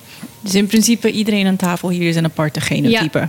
Maar als je een tweeling hebt en ze zijn een een-eier tweeling... dan hebben zij twee individuen, maar hetzelfde genotype. genotype. Ehm, en dus wat je vooral wilt, is dat je zoveel mogelijk van deze genotypen hebt. Want de ene die is misschien net iets beter bestand tegen de warme watertemperaturen, terwijl de andere beter tegen wat meer nutrients in het water kan. En de andere die kan weer beter tegen heel veel zonlicht, heel veel UV. Ja. Kortom, zoveel mogelijk diversiteit. Zoveel mogelijk diversiteit. Maar ik vind het zo knap, en dat zijn, er zijn maar weinig mensen die het weten. Er zijn mensen die zeggen, ja, die gasten die zijn de hele tijd maar koraal uit de zee aan het halen om, eh, om dat maar te gaan lopen fokken. Maar dat is gewoon niet zo. Nee, nee, klopt. En we hebben nu in totaal ongeveer bijna 20.000 stukjes koraal op dit moment in het water hier eh, langs de westkust van Bonaire. En uiteindelijk, als je maar één, je hoeft maar één klein stukje van het rif ooit af te halen. Stel voor de hedelaerts of hertshoornkoraal hoeft maar iets van 5 centimeter te zijn, ten 10 centimeter. En doordat je het steeds opnieuw eh, met, zeg maar, knipt, vermenigvuldigt Ja. Dus eerst heb je één stukje, dan heb je twee, dan ga je naar vier, acht. Dus exponentieel kan je het zo vergroten dat je uiteindelijk maar één stukje nodig hebt. Het is ook echt knippen, hè? Het gaat Zo echt, echt knippen. Ja, met pleiers, ja, met een schaar onder water. Er zijn heel veel duikers. Eh, we zijn ook echt een team, dus we werken met heel veel vrijwilligers ook op het eiland. Ja. Ehm, onze grootste kraamkamer op dit moment is op eh Klein Bonaire, eh, Zuid-Klein Bonaire, waar we 60 bomen, dus 6000 stukjes koralen hangen op dit moment. En stel dat je, we gaan uitplanten, dan meestal doen we het in grote golven, al zoals we het noemen. Dus we gaan voor een paar weken proberen we misschien 1500 uit te planten of 1000. Ehm, en dan komen we terug en dan moeten we het weer opnieuw knippen. Dus dan Ja, laten we 10 stukjes in een boom hangen. En daarvan kunnen we dan weer 100 stukjes maken. En dan wachten we weer een paar maanden. En precies zo gaan we de hele tijd doorheen. Dus je hoeft ook niks van het rif meer te halen. Nee. Want je hebt wat je in je kraamkamer hangt, is eigenlijk voldoende. Ehm, en we hebben dit op verschillende eh, plekken. Dus is eigenlijk best wel handig. Ja, fantastisch werk. Maar, ik vind het echt ehm, van geweldig klinken als ik zo hoor. Maar- maar- maar- Echt, maar je eh, werkt- ongelooflijk. Ja, de- maar, maar er wordt kei en keihard gewerkt daar. En daarom heb je natuurlijk al die eh, vrijwilligers nodig. Klopt, klopt. Hoe ehm, eh, kunnen mensen zich nog aanmelden als vrijwilligers? Ja, dus hoe eh, wij als Revenue werken is... wij hebben veel partner duikshops. Eh, we hebben op dit moment 13 duikshops die partner van ons zijn. En wij trainen duikinstructeurs van deze duikshops tot Renewal instructeur. Dus we geven ze speciale training van hoe knip je koraal... en hoe kan je koraal uitplanten. En wat zij doen, de duikshops, die eh, hebben een PADI-cursus. Gewoon Renewal PADI-duiker. Waar je drie duiken doet. Dus je gaat ook echt stukjes weer terug ophangen. Je gaat stukjes uitplanten. Als je die cursus hebt gedaan, dan kan je bij ons daarna een e-mail sturen. En dan kan je met ons mee op de boot. We gaan ongeveer twee keer per week op de boot. Maar we doen ook dingen vanaf de kant. Als we een soort van speciale missies hebben, zoals koraal uitplanten. eh, dan kunnen mensen ook mee. Want uiteindelijk zijn wij maar een heel klein team. Ehm, we zijn nu, nou ja, nu zijn we met z'n zeven mensen. Maar drie jaar geleden, toen ik hier begon, waren we nog maar met z'n drieën. Eh, en toch elk jaar proberen we toch die 8000 koralen uit te planten. Dus vrijwilligers zijn zo belangrijk voor Ja. ons, zodat we eigenlijk ons werk kunnen doen. En jullie sturen ze aan. En eh, als ik me niet vergis, eh, mensen die, die dit, dit dus doen... die moeten eerst wat geld neerleggen om die cursus te doen. Ja, Maar eh, daarna kunnen ze het. vrijwilligen bij ons is helemaal gratis. Ja. Eh, en van die cursus gaat ook een deel van het cursusgeld komt weer naar ons. Dus het is eigenlijk ook een soort donatie naar ons als foundation. Want we zijn een NGO. Dus we zijn ook afhankelijk van donaties en eh, van fondsen. Ehm, dus als je die cursus hebt gedaan, steun je niet alleen ons, maar ook de duikshops, Ja. de lokale economie eigenlijk op dit eiland. Ehm, en daarnaast, alle vrijwilligersduiken bij ons zijn, doe je gewoon natuurlijk gratis mee. Daar hoef je niet voor te betalen. Ja, die lucht die krijg je ook. Ja, eh, die lucht die krijg je ook van ons. Ja, dat klopt. En, en dat, Ja, is, dat is wel belangrijk, Nou, het, kan je klinkt- niet... ja, het, eh, klinkt, het klinkt natuurlijk heel stom, maar ehm, eh, ja, anders betaal je toch minstens een tientje voor een tent. Ja, ja, nee, nee. En dat is natuurlijk ook niet nodig. Want het werk wat die vrijwilligers voor ons doen is zo belangrijk. En dat hebben we zo hard nodig. Maar het is ook leuk. niet- ja, het Het is, het is hartstikke goed voor je drijfvermogen. Dat Oh, leer, ja. leer je er hartstikke goed van. Ehm, ja, nee, echt. Jullie zitten allemaal uit te lachen, maar het is wel zo. Leg even, leg even uit je wat, toe. leg- leg even uit je drijfvermogen Nou, is. als, je, als je duikt, is eh, eigenlijk wel het belangrijkste wat je moet leren om te duiken, om het goed te doen, is je drijfvermogen. Je wilt zo in het water liggen. Je kunt een beetje lucht in je. Ja, je hebt een vest aan, dat- daar kun je een beetje lucht in doen. En, eh, als je dat goed doet, dan eh, zit er net niet genoeg lucht in dat je naar boven drijft. Maar ook eh, niet zo dat je dan naar de bodem te zakt. Dus moet gewoon dus zweven. gewoon zo zweven. En dat kun je, dat kun je dan, dan nog wat beter eh, met je ademhaling kun je dat, eh, dat allemaal eh, op juiste hoogte houden. En maar ja, als je dus, eh, als je dus in, in die bomen eh, die koralen moet schoonmaken of knippen, Dan dan moet moet je je, echt- Ja, heel goed op één niveau blijven hangen. En dat is, eh, dat is een kunstje. Ja. En dat kunstje kun je wel een beetje als je hebt leren duiken. Maar op het moment dat je, dat je in zo'n boom moet werken, dan leer je vanzelf heel erg goed hoe je je drijfvermogen Klopt, moet, klopt. eh, Heel veel mensen, die, eh, ook heel veel ervaren duikers die daarna bij ons een duik hebben gedaan, die komen uit het water en zeggen: Oh poef, ik wist niet dat het eh, zo moeilijk was. Het is omdat je heel veel dingen natuurlijk tegelijk doet. Je Ja, bent zo ja. gefocust op het schoonmaken eh, dat je niet realiseert wat je lichaam doet. En wij natuurlijk zitten altijd, eh, zijn best wel gefocust op dat mensen goede drijfvermogen hebben onder water. Want zelfs het zand zitten zoveel kleine koraal, dus kleine koraal, coral recruits noemen we die. Ehm, dus dat is koraaltjes van 1 centimeter. Dat we niet willen dat mensen per ongeluk met een vin in het zand gaan. Of de vissen of alle kleine dingen die in het zand Ja. zitten ook verstoren. Dus voor heel veel mensen is het een hele grote oefening. Maar ze vinden het altijd wel heel leuk. Ja, je wordt er echt Ja. een hele, hele goede duiker Met andere woorden, als je beginnende duiker bent en je wil gewoon eh, echt goed leren duiken, dan moet jullie bij, bij jou, bij jullie eh, vrijwilliger worden. Nou, je moet een bepaald niveau wel al hebben hoor. Misschien niet, van- nee. Nou, uiteindelijk kan je het ook als beginnerduiker doen. En natuurlijk tijdens die cursus is ook je die helpt je ermee. Zodat je beter wordt en steeds meer dingen doet. En hoe vaker je ons helpt, hoe beter je wordt. Dus je moet gewoon heel vaak meekomen. Dan wordt Ja. je drijfvermogen dus alleen maar beter. eliteklasse van de, van de duikers. Ja, En nou, wij, ja, wij Ben zijn jij, eh, natuurlijk... Michiel, ben jij vrijwilliger? Eh, nee, nee. Ik heb, eh, maar je hebt het eh, wel een paar keer gedaan? of? ik heb het gedaan, ja. Ja, Want ik heb, ik, heb er een, ik heb er een filmpje over gemaakt. Ehm, voor Tourist TV. Eh, en, en ja, toen ben ik gewoon meegenomen. En toen ben, heb ik daar gewoon ook even gehangen. En ik was best goed. Dan zeg ik het zo. Nou, wij bent- vinden het altijd heel leuk als mensen heel goed eh drijfvermogen hebben. Want dan hoeven wij ze ook niet meer van het rif af te plukken. Klopt. Ja, daar ben je ook blij mee, Ja. inderdaad. Eh, nou ja, ik als instructeur De- de- zelf de pluk ik luisteraars- ze ook vaak van het... van het De, de eh, luisteraars zien niet wat voor gezicht daarbij getrokken wordt. Be- misschien beter. Goed, ik denk dat we dit eh, een beetje moeten afsluiten. Want de Ik denk dat er de volgende gast is binnengekomen. Ik denk dat we dit moeten afsluiten. Jongens, dit was... Sorry, meisjes. Ehm, dit was echt een fantastisch eh, inkijk van, van in jullie werk. In wat jullie doen. Wat, wat, hoe de belangrijkheid ervan. En eh, ja, ik denk dat... Ik heb hier veel van geleerd. Ik ook.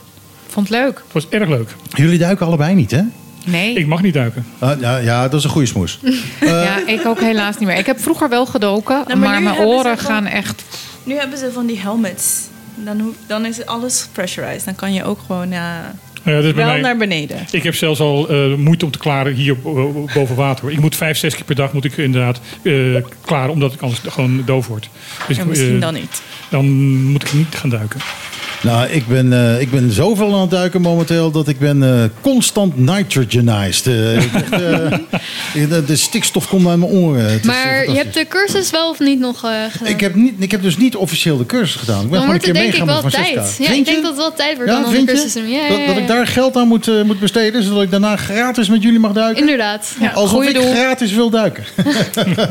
nee, ik, ik ben het eigenlijk wel met je eens. Ik, ik, ga, ik ga dat eens even plannen. Ja. Dat, eh, kijken of ik mag voor mevrouw. Dat gaat goed komen. Hartstikke bedankt dat jullie er waren. Ik ga een Ja, echt fantastisch. En kom nog een keer terug, want eh, dit was een, eh, zeker. groot, Want, een eh, groot genoegen. Ja, dankzij jullie weten we nu what goes on in the reef.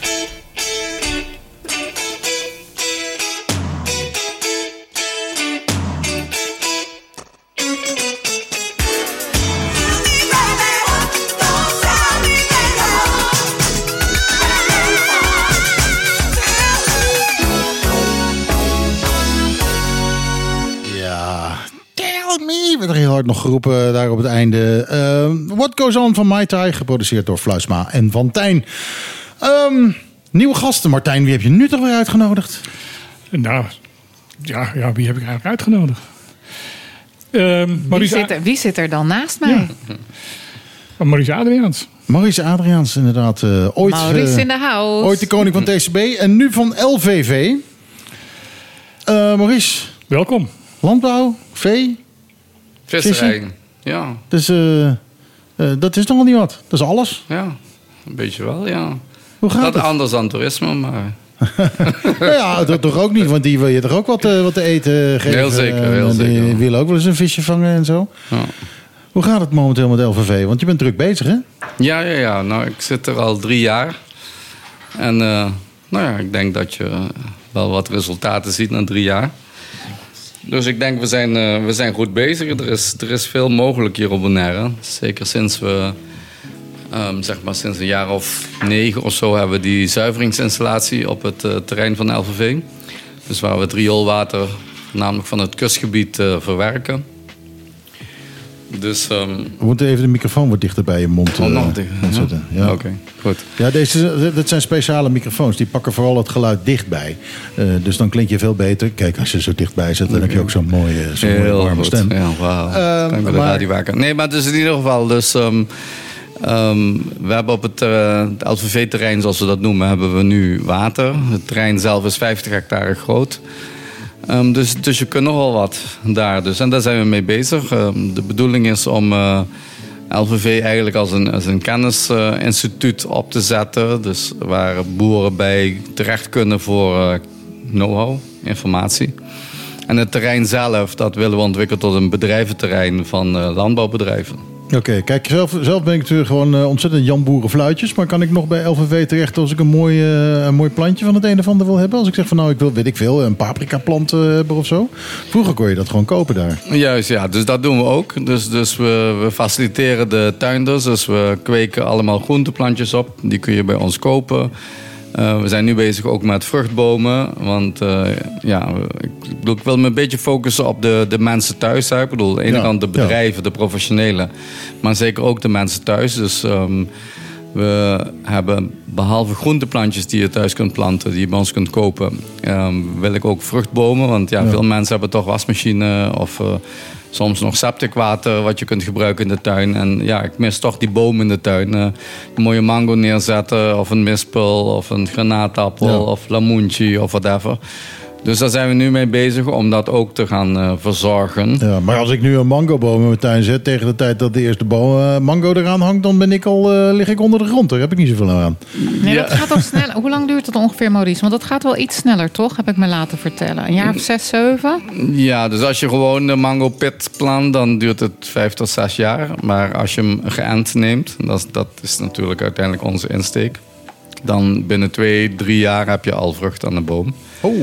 En Kijk, dan eh, kun je in ieder geval eh, overdag kun je kijken naar de parkieten die de vrucht opeten. Ja, dat, dus dat. Heb je daar ook een... Wat is daar de truc voor? Wat, hoe, hoe, Nee, nou ja, kijk, eh, ik, ik, ik wil me een beetje richten op de, op de groene mango's die groen zijn van buiten en dan toch rijp van binnen. Ehm, dan kun je ze een beetje voor de gek houden. Ik weet niet hoe lang je dat volhoudt is met dat, die zit je me nu maar- in de maling te nemen of is dat echt waar? Nee, nee, is echt waar. Hè? Dus je hebt vooral eh Thaise soorten, die zijn vaak groen van buiten en, en oranje, eh, geel-oranje van binnen. Dus da- daar wil ik, want dat zie ik eh, overal, dat iets minder snel die vogels erop afkomen. Als het natuurlijk mooi oranje, oranje van buiten is, dan is dat van ver te zien.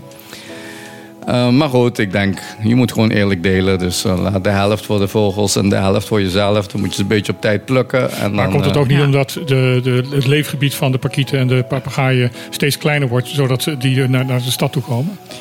Nou ja, dus, het is natuurlijk meerzijdig, denk ik. Ik denk aan de ene kant de populatie neemt steeds verder toe. Dus ehm, er is meer ruimte nodig voor hun. Ehm, ja, ook ehm, wordt er ruimte afgenomen wegens huizenbouw. Ik bedoel, de bevolking verdubbelt, dus dadelijk verdrievoudigd ten opzichte van tien jaar geleden. Dus, dus ja, die mensen moeten ook ergens naartoe. Dus, dus er gaat ten koste van leefruimte van, van de dieren. Maar ook ten vierde natuurlijk... ja, onze natuur is, is eh, niet in al te beste staat. En Mhm. nou ja, daar moeten we ook aan werken. Dus ze kunnen niet meer zo makkelijk van hun eh, natuurlijke bronnen gebruik maken. Hè? Dus de cactusvruchten of dat soort dingen. Om te eten. En nou ja, dan komen ze naar de tuinen toe. Hè? Dus, dus het is een, meer facetten of zo die dat veroorzaakt. En die je natuurlijk niet zo makkelijk oplost. Dus ja, uiteindelijk zul je een beetje moeten aanpassen als mens. Gewoon eh, de ruimte delen. De ruimte delen. En eh, wat ik zeg, kijk, ik, ik eh, ga binnenkort gaan we ehm, greenhouses opzetten bij LVV. Mhm. Ehm, dus ik hoop voor het eind van het jaar. En dan ga ik ook kijken van nou, in hoeverre kun je kleinere bomen kweken in een greenhouse. Zodat je echt op productie kunt produceren. Dat is dan, dan echt commercieel. Ehm, dat is misschien niet voor de mensen thuis. Alhoewel je zou dan ook een kleine greenhouse thuis kunnen zetten waar je je fruitbomen in zet. Maar in ieder geval voor het commerciële zul je waarschijnlijk gewoon in een greenhouse moeten gaan. Maar LVV richt zich eh, eh, eigenlijk alleen maar op zeg maar, de, de te consumeren planten. Hè? Als ik bij jou, ik kan bij jou geen wayaka eh, kopen die, eh, die ik in de tuin zou kunnen zetten. Dan moet je, bij, moet, je, moet je bij Echo zijn, denk ik. Ja, of bij Terabara. Dus, dus kijk, wij willen geen concurrent zijn ehm, als overheidsorganisatie ten opzichte van private organisaties. Dus we hadden in het begin hadden we dat wel. Dus we hadden veel van dat soort zeg maar, eh, ehm, oorspronkelijke soorten van Bonaire. Die verkochten we ook aan Stinapa en zo. Maar ja, op een gegeven moment kreeg je van die organisaties als Terabara die dat gingen doen. En dan, nou ja, dan stoppen wij ermee, want ik wil daar niet mee concurreren. Ik bedoel, dat is hun business. Nou ja, volgens mij is Terra ook niet echt bedoeld als iets eh, van, nou, daar kun je dik geld mee verdienen. Maar die hebben het doen het ook echt met het idee van, we willen de, de, ja, de oorspronkelijke planten eh, van Bonaire st- stimuleren. Kijk, het is hartstikke leuk als iedereen eh, gewoon een echte originele Bonaireaanse plant neerzet. En Oh, heel die een zeker. beetje verzorgt. Heel zeker. Ik, heb, ik ben er apen trots op. Ik heb in mijn tuin heb ik twee eh, van die sabelpalmen staan. Bonaireaanse sabelpalmen. Nou, er zijn er nog maar 24 van. Dus een twaalfde van de Bonaireaanse sabelpalmen staan bij mij in de Staan tuin. bij jou in de tuin. Met alle kleine loodjes erbij. Ja, eh, ik zou zeggen, kom eh, ja, met een heleboel kleine loodjes. eh, en ja, ik, eh, ik ga binnenkort maar weer eens even wat van die zaadjes kassa, verzamelen. Dan ga ik ze wegbrengen. Dat is kassa. Nee, nee, ik wil ze niet Verkoop verkopen, ze. maar mensen moeten die dingen neerzetten. Als Marie Beukenboom heeft er iets van 400 neergezet op Klein Bonaire. Ja. En die komen allemaal uit één boompje. Maar ik heb twee bomen naast elkaar, dus ik weet bijna zeker dat... eh, dat eh, hoe, noemde dat meisje dat nou daarnet? eh, eh, dat de, de, de, Gender... de, de, de, de genderspecificiteit, weet ik van wat, hoe je dat gaat noemen, van, van mijn bomen zijn er waarschijnlijk een stuk sterker. Want die, eh, ja, die staan naast elkaar. Dus het gaat vast een bijtje van de ene boom naar de andere en terug. Dus, En, eh, en je geeft ze waarschijnlijk voldoende water. nou, ik geef ze veel meer water dan dat ze krijgen eh, Ja. in de, in de moenie. Ja. Dus dat, eh, dat wel. Ja, want dat is inderdaad, hè, Maurice. Want jij zegt van, we gaan, net als wat Michiel ook zei... we zitten heel erg op het consumeren. Dus dan heb je het over eetbare producten. Dus in dit geval fruitbomen. Die zouden mensen inderdaad thuis ook meer in hun tuin kunnen hebben. En jij noemde inderdaad al heel interessant, weet septitank en wasmachinewater. Want dat lijkt mij, dat, dat, dat is altijd wat ik hoor. Ehm, ja, we willen wel een beetje zelf verbouwen, zo'n boom of een klein perkje. Maar water is hier hartstikke duur. Dus ja, eh, laat maar. Wat, hoe, hoe, kijk jij daar tegenaan? En hoe doen jullie dat verder bij LVV? Nou ja, kijk, ehm, doen nog niet zoveel. Ehm, maar oké, daar komen we dadelijk op terug. Maar in ieder geval, wat, ik zie is, kijk, er is veel mogelijk. Hè. Kijk, mensen gebruiken gemiddeld zeg maar, tussen de 5 en de 10 kuub ehm, per maand in een huishouden. En dat is een hoop water. Ik bedoel, als je het in een paar eh, van die grote tanks zet, of, of, van die blauwe drums, is 250 liter. Dus dan heb je toch eh 20 eh, tot 40 van die tanks vol met water die je ja, eigenlijk nu gewoon weggooit. Dat water is al betaald, want ja, dat doe je om te douchen of om je afwas mee te doen of je was mee te doen. En dat water kun je heel goed gebruiken om nog iets mee te doen, om iets mee te produceren. Dus kijk, ons, ons concept is natuurlijk uiteindelijk dat de mensen, of laat ik zeggen, het ideale concept is natuurlijk dat je uiteindelijk tot huisbouw komt waarbij ehm, zwart en grijs water gescheiden is. Dus het water van je toilet gaat apart in een put en de rest van het water gaat in een andere put. En dat grijze water, dat kun je dan gebruiken voor je tuin. Kijk, en dan heb je zeg maar 5 kuub aan water per maand. Nou, voor een gezin van vier mensen kun je daarmee gewoon voldoende voedsel produceren om iedere dag zeg maar vers te kunnen eten. Dan moet je wel een beetje in een greenhouse en je zult wel een beetje ehm, gecontroleerd moeten groeien. Dus eh, bijvoorbeeld wat wij hebben gedaan bij LVV als een voorbeeld. We hebben tafels gebouwd ehm, waar je in... Dus dan sta je op, op, op werkhoogte, op tafelhoogte. Daar hebben we een dichte tafel gemaakt waar een soort bak op staat. Waar je dus aarde in kunt doen. Dus je hebt controle over de aarde. Ehm, je bent op, op werkhoogte, dus je hoeft niet te bukken, wat vooral oudere mensen vervelend vinden. En ten derde natuurlijk, je voorkomt dat leguanen makkelijk op die tafel komen. Want ja, die kunnen niet langs die poten omhoog, want dat, dat blad steekt over die poten uit. Dus ze kunnen er niet bij komen. Je kunt die leguanen wel ook eten.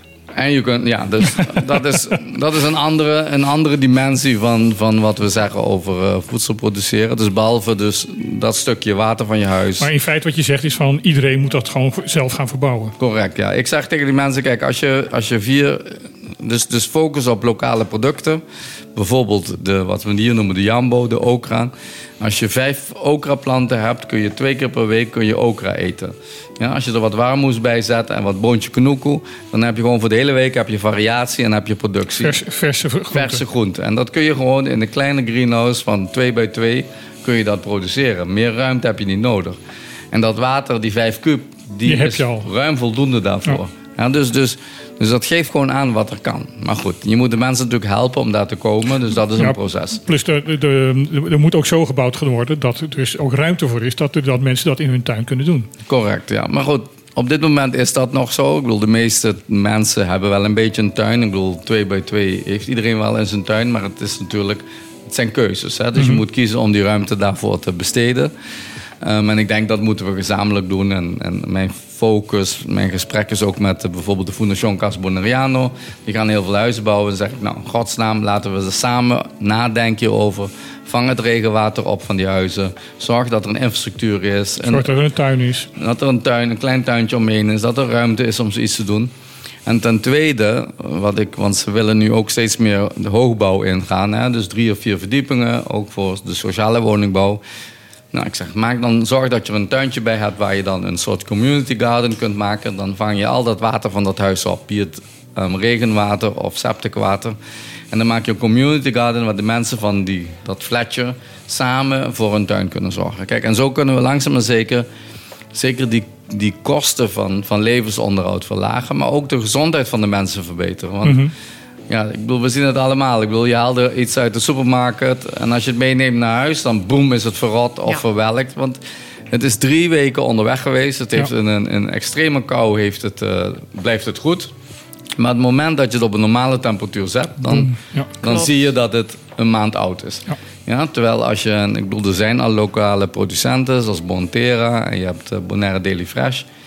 Dat, dat is een krop sla, die leg je gewoon een week in de ijskast en het Dat ziet klopt, er nog ja. steeds nieuw uit. Ik bedoel, en, en dat is een vers product. Ja, ja, Wij ja. vergeten dat, maar, maar zo ziet een vers product eruit. En de smaak is ook heel veel beter. Dus, dus dat is een focal point van ons. Dus we willen de buurten in naar de mensen toe. We hebben een project nu waar we in de buurten ook community gardens willen doen. En aan de andere kant zijn we met een project bezig ehm, om voor de mensen die het, die het echt moeilijk hebben, die nu naar de voedselbank gaan, en helaas steeds meer worden, om daar dus ehm, lokale groenten en fruit te gaan In produceren. andere woorden, de, niet, niet alleen maar eh, voedselbank, maar ook dus banken waar je dus ap- eh, eventueel gesubsidieerd spullen kunt krijgen om een greenhouse te bouwen, zodat je het zelf kan gaan verbouwen. Correct. Waardoor je die, die, die, die voedselbank dus niet meer nodig hebt. Correct, ja. En, en, en wat we, dus andere, we zijn met verschillende projecten bezig. Het duurt even voordat je echt op gang komt. Maar we willen bijvoorbeeld, een idee is, die mensen van de voedselbank allemaal twee kippen geven. Want je hebt vaak in je huis heb je voedselresten, Mhm. je rijst, je, je schillen van je groente en fruit en zo. Dat gooien we nu allemaal weg. Ja. Terwijl dat heel voedzaam is voor een kip bijvoorbeeld. Ja, dus als je twee kippen hebt, dan heb je zeg maar, gemiddeld iedere dag twee eieren.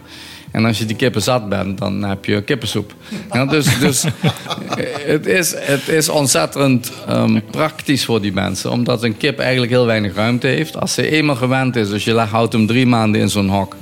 En, Ja, en, en je maakt mensen zelfvoorzienend. en je maakt mensen zelfvoorzienend. En, en, en het is leuk. Je bent met dieren bezig, je bent met planten bezig. En dat is ook voor veel mensen gewoon relaxing. Mhm. Ja, dat maakt ze happy. En, en dus, dus dat zijn allemaal initiatieven waar we op dit moment mee bezig zijn. Die we hopelijk volgend jaar allemaal kunnen uitrollen.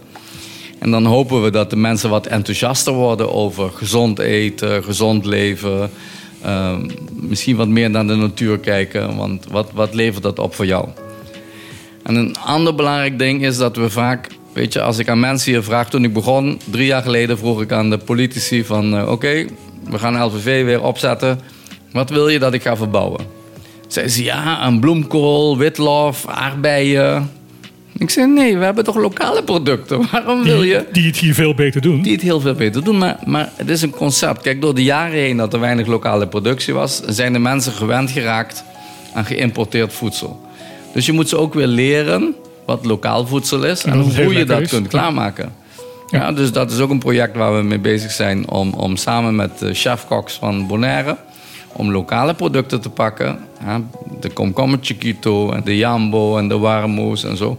En daar moderne gerechten mee maken. Dus, dus laat zo'n chef-kok dat helemaal oppimpen en, en weet ik veel wat. eh, hele creatieve dingen mee doen. Eh, we hadden zo'n chef-kok die maakte van die komkommer chiquito een soort chutney.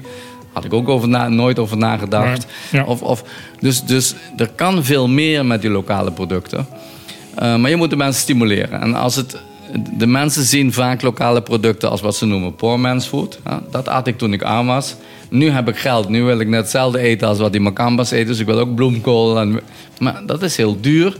En, en, En, wees trots op wat, wat het eiland voorbrengt. ja. Ja, dus het is een beetje nationalisme. En dan, dus op, we hebben onze open dagen bij LVV. We proberen ongeveer iedere vier maanden proberen we een open dag te organiseren.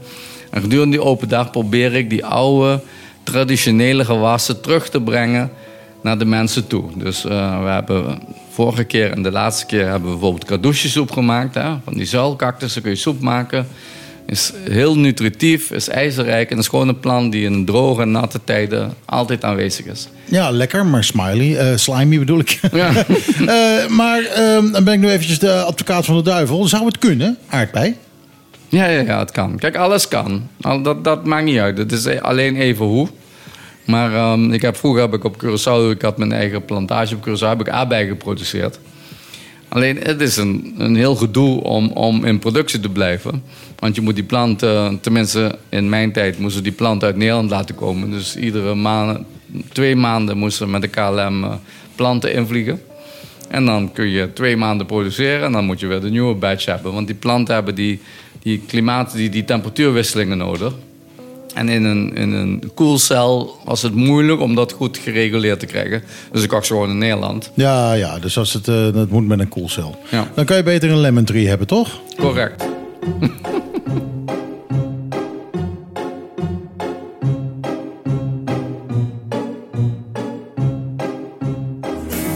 And all that I can see, just a yellow lemon tree. Ja. Eh Fool's Garden met Lemon Tree. Blijft een leuk nummer. Eh, hartstikke leuk nummer. Ik heb er ook een house mix van. Maar ik heb even zitten, keer- zitten denken van nou, doe gewoon deze versie. Eh, de hit.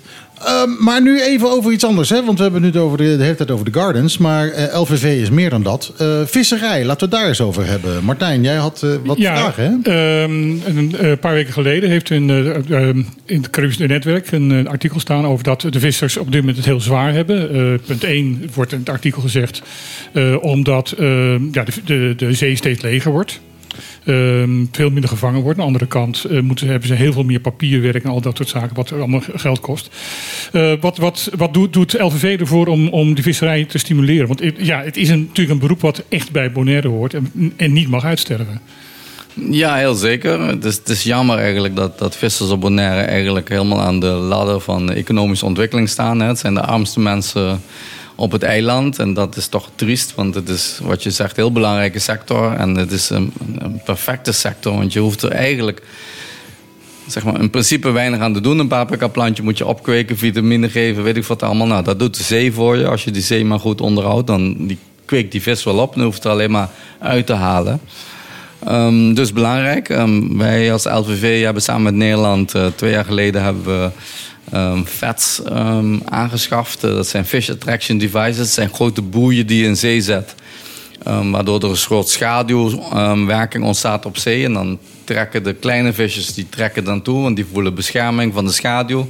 En daaronder komen dan allemaal grotere vissen. En daaronder komen weer grotere vissen. En Dus je krijgt een hele community van vissen die allemaal van elkaar afhankelijk zijn. En als visser kun je dan heel geconcentreerd naar zo'n locatie gaan. Dus die vets, een van die vets was bijvoorbeeld hier vlakbij Klein Bonaire uitgezet. En er werd enorm veel toenen en zo eh, gevangen bij die vets. Dus iedereen was er heel happy mee. Ja, een probleem van Bonaire is de zeestromingen. Dus het is behoorlijk eh, harde stromingen, een paar keer per jaar. En dus zijn die vets weg, eh, weggetrokken eigenlijk. Mhm. Ondanks dat we goed gewoon vast hadden weggedreven? Weggedreven, ja. Door die, er wordt een beetje gediscussieerd dat er misschien een boot overheen is gegaan en zo. Maar goed, ik denk toch dat het die stroming is. Maar goed, het, in ieder geval, Hoe het ook zij, ze moeten er moeten dus nieuwe er moeten nieuwe vets komen. Dus, dus ehm, kijk, de overheid eh, subsidieert Piscabon. Um, Piscabon krijgt ook subsidie vanuit Nederland van de Prins Hendrik Stichting. Die is speciaal voor vis, of voor zeelui in Nederland. Nou ja, alle zeelui in Nederland zijn nu miljonair. Dus ze zijn deze kant op gekomen om, om hier te helpen. Dus dat, daar zijn we heel dankbaar voor. En samen met de subsidie van, eh, van de overheid natuurlijk is Piscobon nu zelf bezig om zeg maar, verbeterde vets eh, te, te bouwen die ze weer in zee kunnen laten. Ehm, ik begrijp ook dat wat andere vissers dat gewoon op eh, eigen houtje gaan doen, privé zeg Mhm. maar, omdat iedereen heeft gezien hoe goed het werkt. Ja, dus dan krijg je concentratie van die vissen, net zoals je vroeger eigenlijk had met die boten die bij Bopak lagen. Die trokken enorm veel vis aan.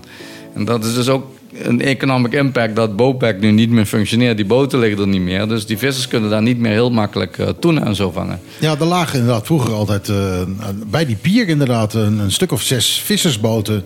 Maar die, waren dus, die gingen niet eens ver. Die gingen gewoon lekker naast die, eh, die, die tankers liggen. Correct, er gingen lekker, want daar, daaronder zat die vis. En vaak hadden ze lichten op, op zee staan. Nou ja, daar, daar komen die vissen ook op af. Dus het was, was heel makkelijk. Dus nu is het een stuk moeilijker die de boten er niet zijn.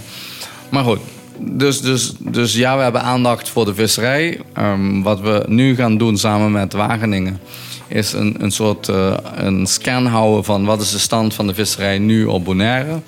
Um, onze, onze, ons idee is dat het probleem niet zozeer is dat er geen vis is... maar het probleem is dat de vissers vaak met kleine bootjes dicht bij de kust blijven. Dus ze vissen op de koralen.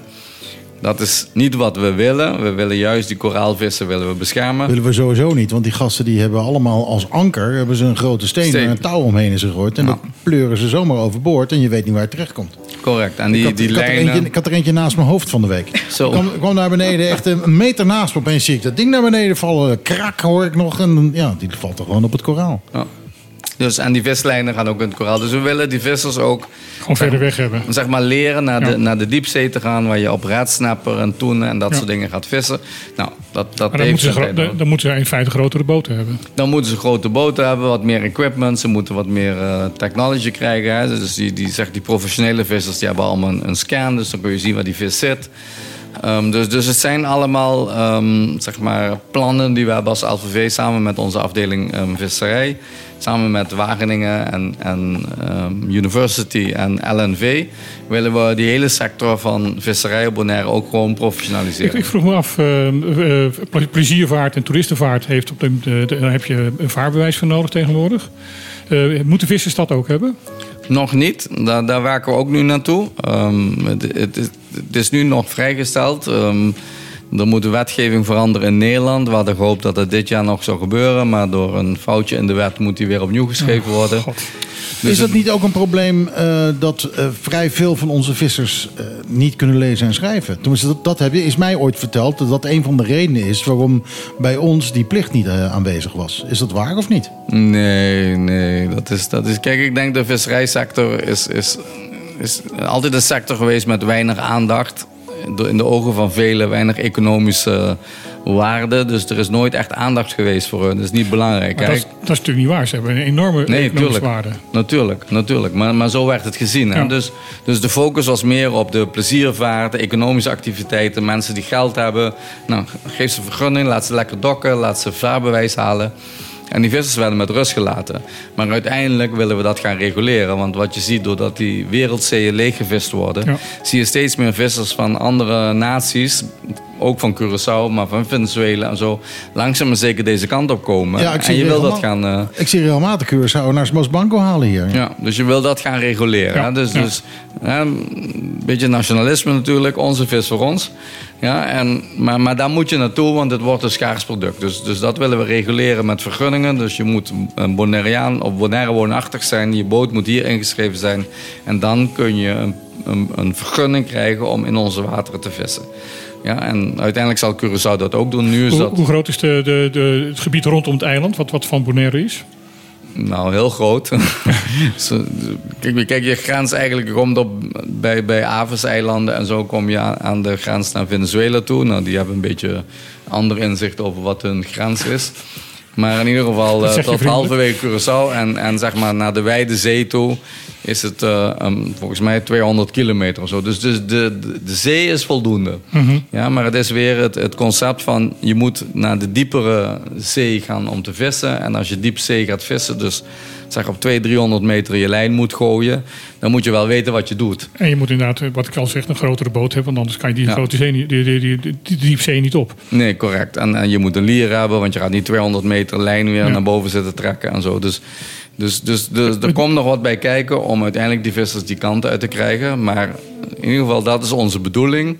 Samen met uiteindelijk misschien, afhankelijk van wat er uit het resultaat van het onderzoek komt over de visstanden in onze wateren, dat we dus bepaalde seizoenen gaan eh, bepalen waarbij je wel een bepaalde vissen mag vissen en bepaalde seizoenen niet. Die visstanden, hè? Eh, is dat nog op dit moment echt helemaal onduidelijk? Of, eh, want ik vraag me af, bijvoorbeeld die red snapper... Mhm. die komt alleen maar in diep water voor. Eh, maar in diep water kunnen wij de lionfish niet, niet verjagen. Eh, merk je al iets in dat, dat we minder red snappers hebben... omdat die jonge red snapper allemaal door lionfish is opgegeten? Nee, eigenlijk niet. Nee, dus de raadsnapper lijkt nog overvloedig. Maar goed, meten is weten. Dus Ja, uiteindelijk eh, het is heel moeilijk om zo op basis van wat men vangt... want dat is nu de situatie, op basis van wat men vangt... ehm, zeg je, het lijkt voldoende raadsnapper. Het is niet zo dat ze veel kleiner worden of zo. Maar ehm, dat zegt niks. Het kan gewoon zijn dat we in, in totaliteit heel, op zich heel weinig vangen. hè. Ik bedoel, er zijn niet zoveel vissers op Bonaire. Ehm, er wordt niet heel veel gevangen. Dus het is, het is een heel goed gebalanceerd systeem eigenlijk. Ja, nou ja, we zullen het... eh, ik ben heel benieuwd naar wat er uit dat, eh, dat onderzoek Ja, zeker. zeker. Maar Dit de- wa- zo, oh. zo somber als, als eh, de vissers zelf zijn, dat ben jij dus niet. Nee, helemaal niet. Nee, nee, ik, ben heel, ik zie zoveel mogelijkheden. Ik bedoel, je noemde net even die Masbango. Ja. Ik bedoel, je ziet zo vaak die Masbango ehm, scholen hier voor de kust. En die worden dan niet gevangen, want je hebt meteen een paar honderd kilo Masbango. En dat, dat kunnen ze dan niet afzetten op de lokale markt. Dus dan komen die bootjes uit Curaçao en die kopen dat misschien voor 3 dollar per kilo. Ja, daar verdient die visser niks aan. Dus het is geen interessant product. Maar ik zeg tegen die vissers altijd, maar je moet gewoon wat verder nadenken. Ik bedoel, Masbango is net als een sardine of een haring. Weet je, laten we ze vangen. Zouten, een tonnetje, Bonaireaanse haring.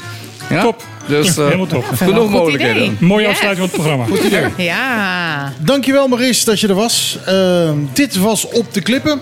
Eh, de eerste opname die we gemaakt hebben. En ik vond het eigenlijk best wel leuk gaan. Ja, echt, ja, ik Eh, vond het wel een succes. Eh, moeten we vaker doen. Het is net alsof we gewoon een eh, radioprogramma zitten te maken hier. Stel je voor zeg. Ehm, eh, volgende week zijn we er weer. Weer met een opname. Dat is helemaal niet erg, hebben we zojuist gemerkt. Ehm, eh, bedankt dat je geluisterd hebt. Fijn dat je toch naar onze opname hebt willen luisteren. Ehm, zometeen na het nieuws hoor je Ron Gijzen met de Klaat op 20. Eh, die is wel live. Eh, oh nee, eigenlijk Nee, ook, ook niet. Ook niet. Die, neemt- die Ook nemen we niet ook van tevoren af. nou ja, goed. Ehm, er is geen live radio meer. Nou, vanavond laat natuurlijk wel. Ja, Eh, maar eh, nu eh, in ieder geval eh, niet. Dus volgende week weer. En we zijn, fijn dat je gelu- we zijn blij dat je geluisterd hebt. Ja, zeker. Eh, en we hopen dat je volgende week weer luistert. En we zeggen nu met z'n allen... Ajootje cadeautje.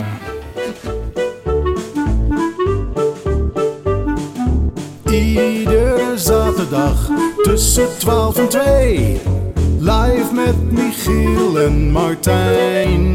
Wat een feest! Dit is op de klippen. 901.1